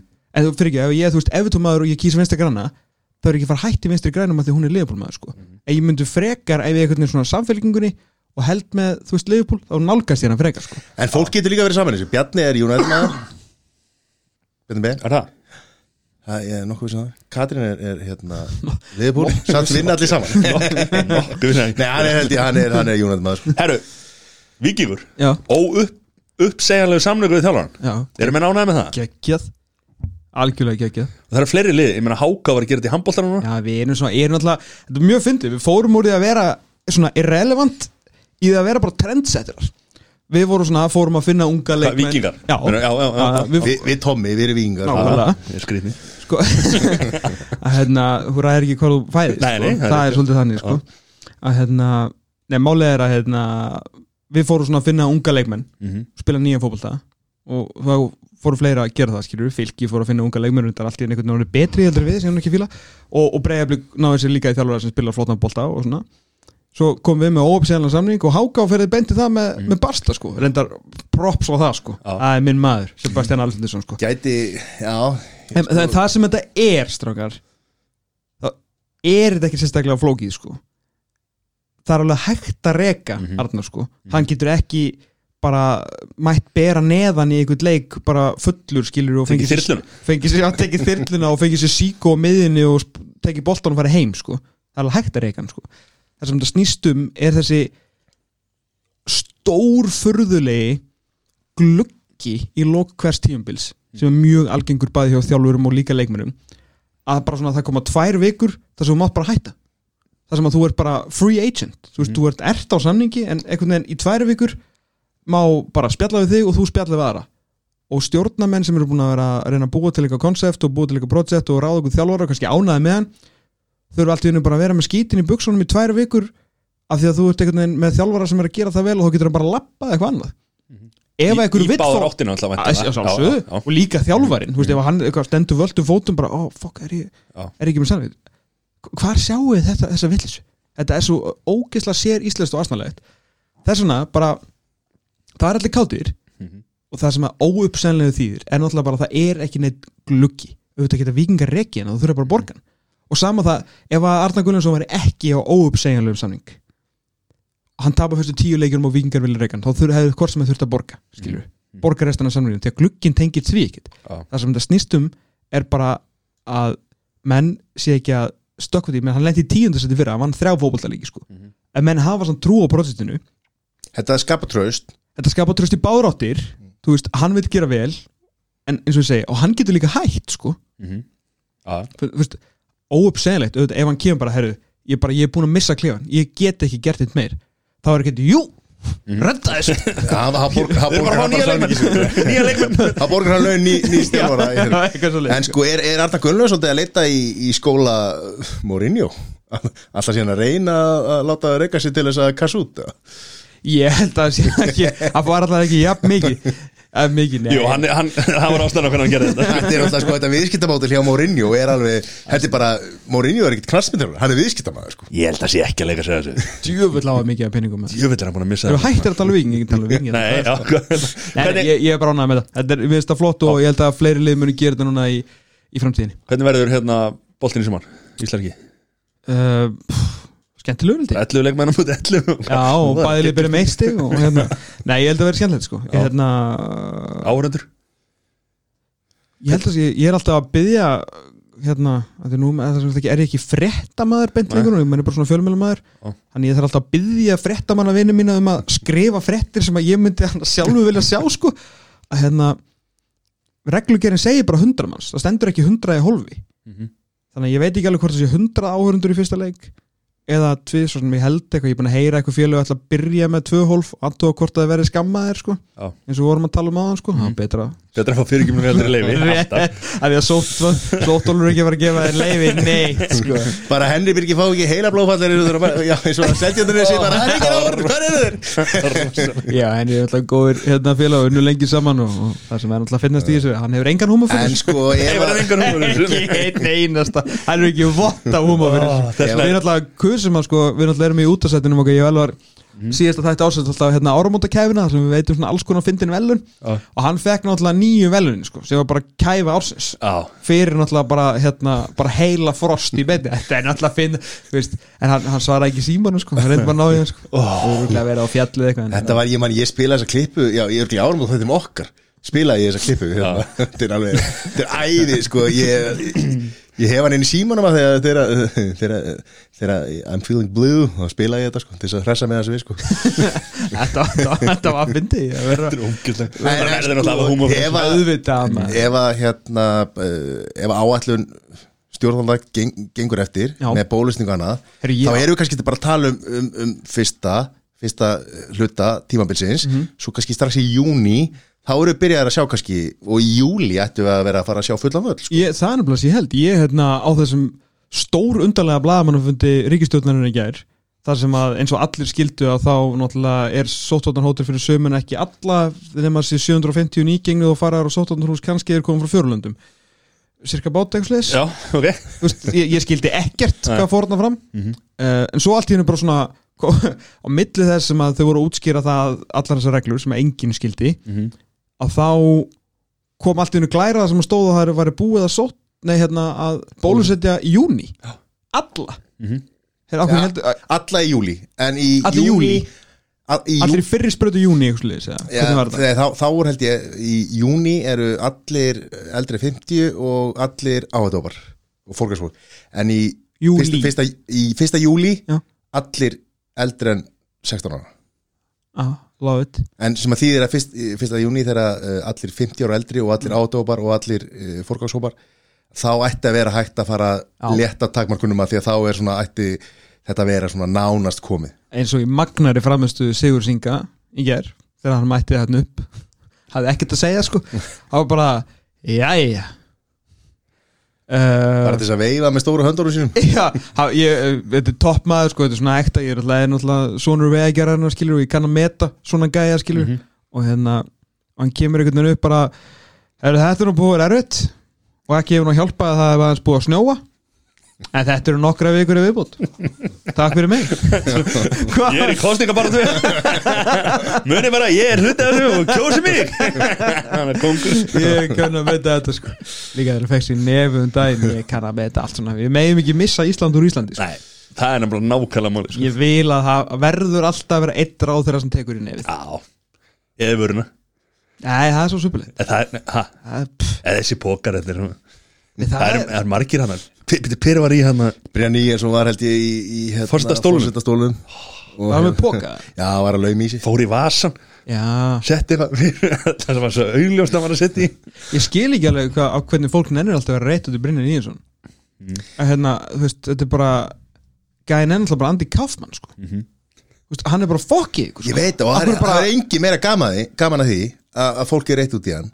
Heldur en hann sjálfur. Ég veit það, þetta er svo fyndið það fólk er bara svona hvernig það nennir, kannski er það bara svona fattlust ef það myndi bara hætta að trompast á netinu í hvert einasta skipti sem er Brynjari dettur nýtt troll í hug þá myndi hann hætta sko. það myndi hann ekki nenni þessu. Að sjálfsög Þetta er bara, það er bara verið að feeding the trolls veist. en, en þú veist, honum til varnar er hann geggjaður í þessu. Hann er öllum upp every time.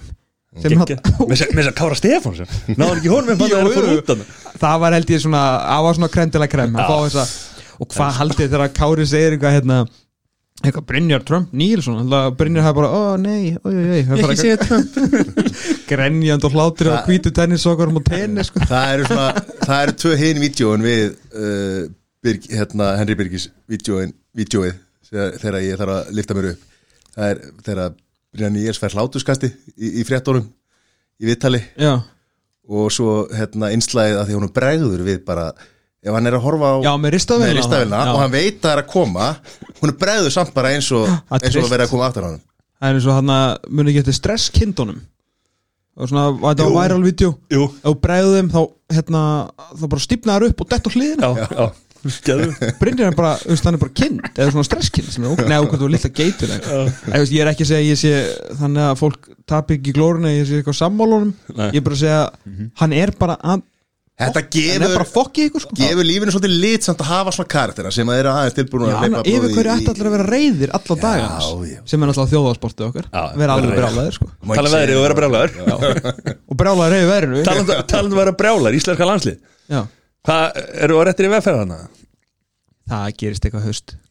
Það, það, það verði lofa lof ykkur því. að þegar landsliðið mæti til leiksinu þú vant að tala um kallalega Já, já, já, sorry. Að hérna, allt í góð að hérna, ég lof ykkur því að það verða ekki allir þarna sem þið þekki nöfnin á í byrjunleginu Já, já, já, þeir eru að stokka vel upp hana já, ég held að, Það er bara gott. Bara flott. Við erum ekki að fara að hafa mig kata, skilur Nei. og kannski ekki World Cup of the Americas þó að verði þetta geðvikt að vera World Cup of the Americas sko. Mhm. hafa mig sko í, í Ameríku Já, það 2026 sko. Það verður eitthvað, það er alltaf ég að vera. Saman hvort að þetta landslið verði þarna ekki sko. En við þurfum að, já. En hérna, jú, það, hérna, já, við erum á ég, sem á, ég heldur við sjáum það betri í haust hvort sem er réttir í vegferð, en þetta var ekki gott á þann daginn. Nei. Það er alveg ljúst, En konið þrýr þjálfur allt í nú Eða þú veist Er það ekki það? jú, fleiri því betri bara Ég er bara að tjekka sjá leiki frá Ég er bara, reyður Nei, já, það er brálaður Þá spiluðu líka, líka vond veður í Armeníu þetta var, alveg trilltur sko. Nei, þetta var hróttalega slagt sérstaklega Armeníu. Það eru orðið fyrir miklum vonbröðum held ég þjálfararnir. Með, með framlæðið Já. Og bara svona, svona power leysið Mhm. uh, óalgengt hjá okkur. Svo gæt maður ekki opna Facebook maður bara gamla bandi búið.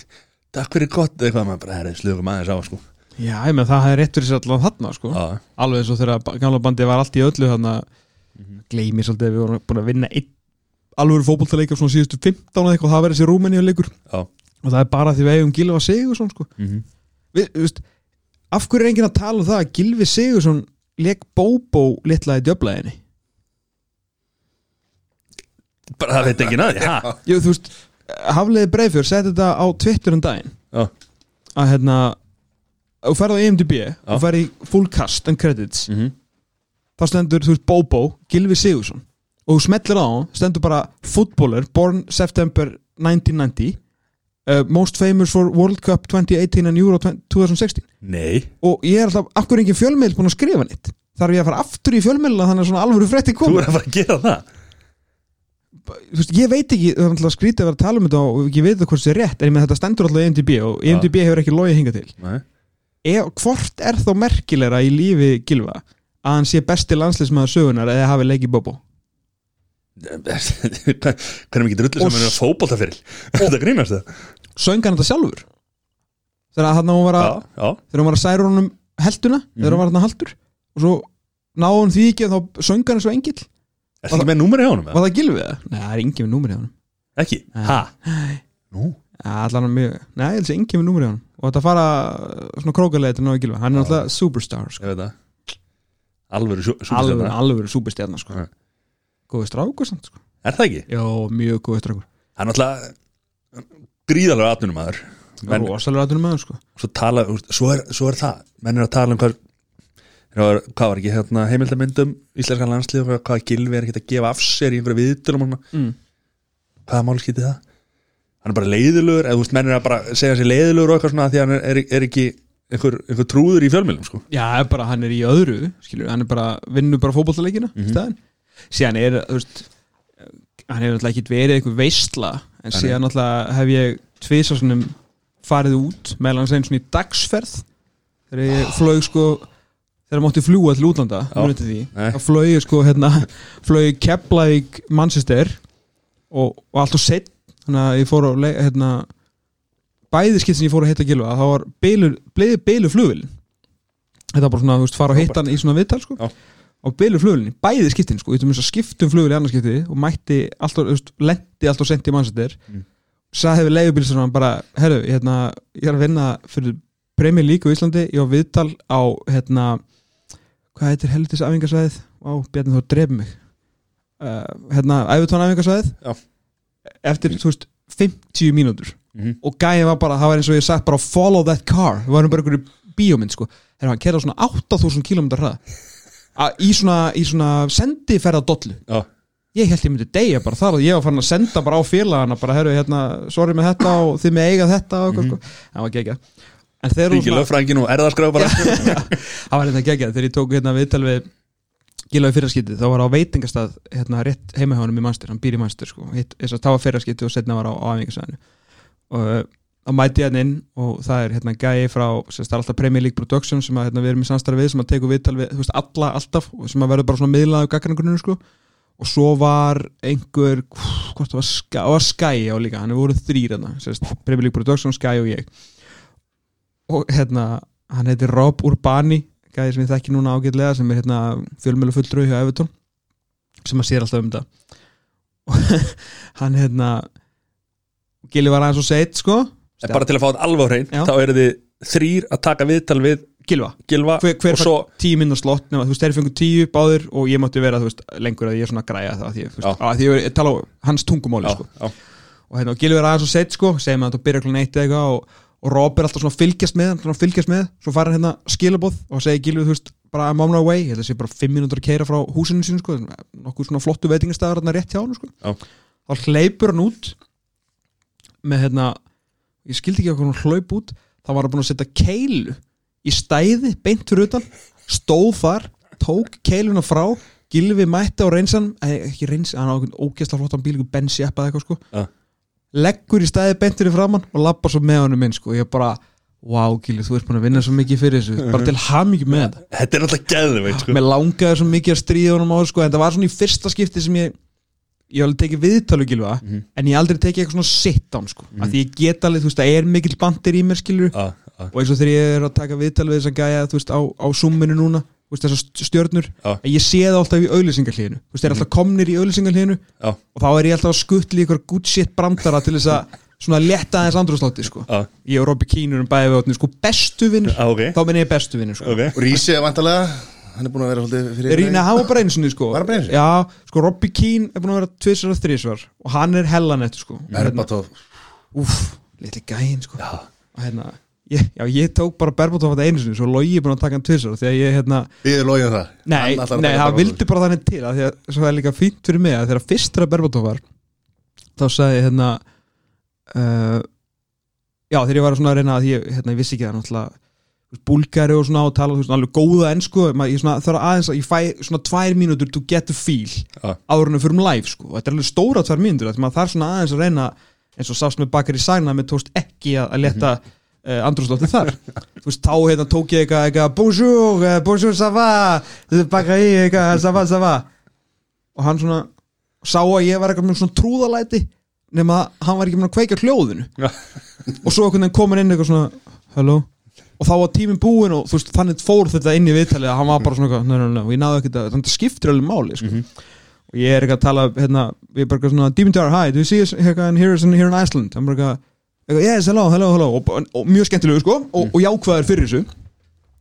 Og ég svona að segja herru, hvernig gengum við bókina?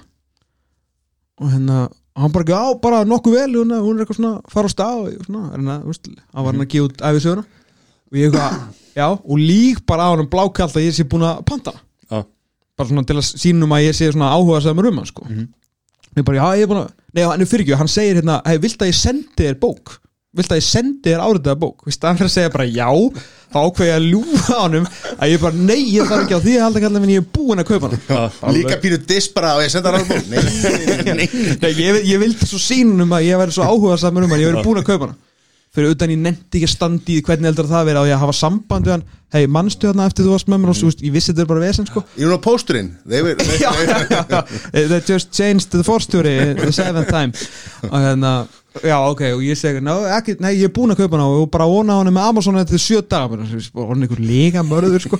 En hann var ánægð með þetta skilur Ok, og var já. bara ógislega léttur og flótið og fyrir 6-1 leikinn hann á tóttunum alltaf og hérna svo segir hann við mig í endan já, áður fyrir bara eitthvað, það er næstri er on þá var að segja mig hvernig þið fannst bókin svo hef ég hann, skilur. þannig ég er búin að heppin með það síðustu tvö skipt sem hann hefur verið þá er logi verið, ég veit ekki hvað ég ætla að segja Þú voru bara að segja þetta er geggjum það- það er því svo hræddur. Og mafjan, ég vissi að þetta svona teimdi mafjunni Are you from Bulgaria? What? að að Heldur bara áfram að ljúga, þú ert búin að grafa þetta sko. Nei, já, svo náttúrulega getur maður lendi á steini með skóplunni ef maður segir eitthvað, þú veist How did you like the play? Ég væntalega er þetta ekki að fara á en það er bara versta sem maður lendir í, sko. Mm Chapter 3 Yes. Crazy. well, when, you were, when you were playing the football. Yes, yes, yes, yes. Það var einhver kapli Geður kapli Það var að lýsa einhverju andláti fjölskyldu Mótaði mig mikið þessi kafli sko. okay. Já, hann er svona djöðan flottum með það, sko. En með Gilva, setja sniður með honum. Bíllinn kominn, þú er þetta að taka man. Þetta minnir mig á þegar Mattias mæta porsinu fyrir þetta vega múti hérna í den sko Þegar hann- átti porsin sko. Já, mér langaði, sko, hérna Þá brauti sérst, þá fekk ég insight info að uppáhaldsnamið hans verið þristur. Þannig ég kefti stóran þristapoka Já. Handa honum. Við erum að klippa þetta út, við erum inn á Sirius stúdíónu Halda áfram. Ke Kefti Nógróf nóg okkur á pandunum Þannig að frá okkur með þristur? Kólur Já, Já, geðveitna mig. Já, mjög gott. Sælan er samt betri. Hvað er það? Sæla, sambó sæla Sambó sæla Já, já, já, já, mjög gott, mjög gott, mjög gott Nei, frá kólu, sko Frá kólur? Já, er þetta grínast eða? Það er líka áður Næst eru fyrir bónus Já Það er Hliðina- nýtt, eða? Nei, nei, Nei. Bara, þetta er eiginlega samt bara til í hérna, Já, þetta er þriði björn Já, þetta Hann er líka múin að fara fjóru sem að pissa sko. Númer á drens En hérna, Það er enginn að dæma hérna Ekki, ekki nokkuð maður Það er fyrstu dag Hliðina Já, það er þetta miðvikudagur Hvað, er frítagur á morgun? Jú, Það var fyrstu. Já, það er rétt uh, Já, hliðin á þristónu bara í, í hillunni Í nammi hillunni bónus Það er sæla, svona rauð Rautt nammi. Skrítið, ég held ég að borða öll nammin á Íslandi. Nei, nei, nei, var að smaka það. Já. Þetta er styrla Já, þú veist, þá hendi ég þá svona reynda eitthvað letta andrúsloftur með því og var svona með hérna, svona aðeins öðruvísi spurningar hann hefði fengið, þannig að hann var, hann var lettur en, þú veist, ef þetta hefði ekki verið hann þá hefði ég alltaf þú veist, gert grína á hann með það, skilur þú veist, svona eitthvað, bara, wow, litli gæ Er þetta grínast? Þetta allstar það svo ferða? Er, það, er Rob bara alltaf með keiluna út? En, Það er alltaf með keilur bara í bakbókanum Það er að gerast þetta en Tómi, er Hvernig er nú hefur tekið viðtal við sko, þú veist, Stærsti stjörnir í heimi Berbató og svona, þú veist, svona þú veist, stjörnur Já. Gilvi er stjarna Stjarna En Já. fyrst er öðru svo að tala við hanna því að þetta er bara, þetta er næsti gæti næsti, komið báður frá litla Ísland þetta gæti verið félaginu Já, hverfi já, algjörlega. Þú veist, Er það ekki miklu auðveldar að tala við hann heldur en Miklu alla öðvöldara Miklu öðvöldara, sko. Það er náttúrulega líka því að þið eru kannski með, þú veist, þó maður sé ekki, ekki með svipan húmór skilur, en þá er það samt, þú veist, íslenska þú veist, þú getur alltaf þú tengir miklu meira við einhvern Íslending að að sjálfsög, að sjálfsög svo er það líka kannski það, líka kannski það þegar ég, maður er kannski að taka viðtal við einhvern hérna, bara eins og þegar ég var bara í fréttamennskunni og maður fekk einhver stór viðtölu eða kannski stór landslið að koma og út bara einhvern veginn maður, hérna, eins og þegar ég var hérna sætlanirport til dæmis í þjóðadildinni þegar ég tók alla hérna á hliðlinni og fór út hérna bæði Belgi og Svissleikin og þú er að taka viðtal við hérna Roberto Martínez Mhm. hérna, fyrir leik eh, bara, veist, pitsætt sko. Hann er undar ógeðslega flottu gæði sko og hann að þú veist, það var ekkit mál.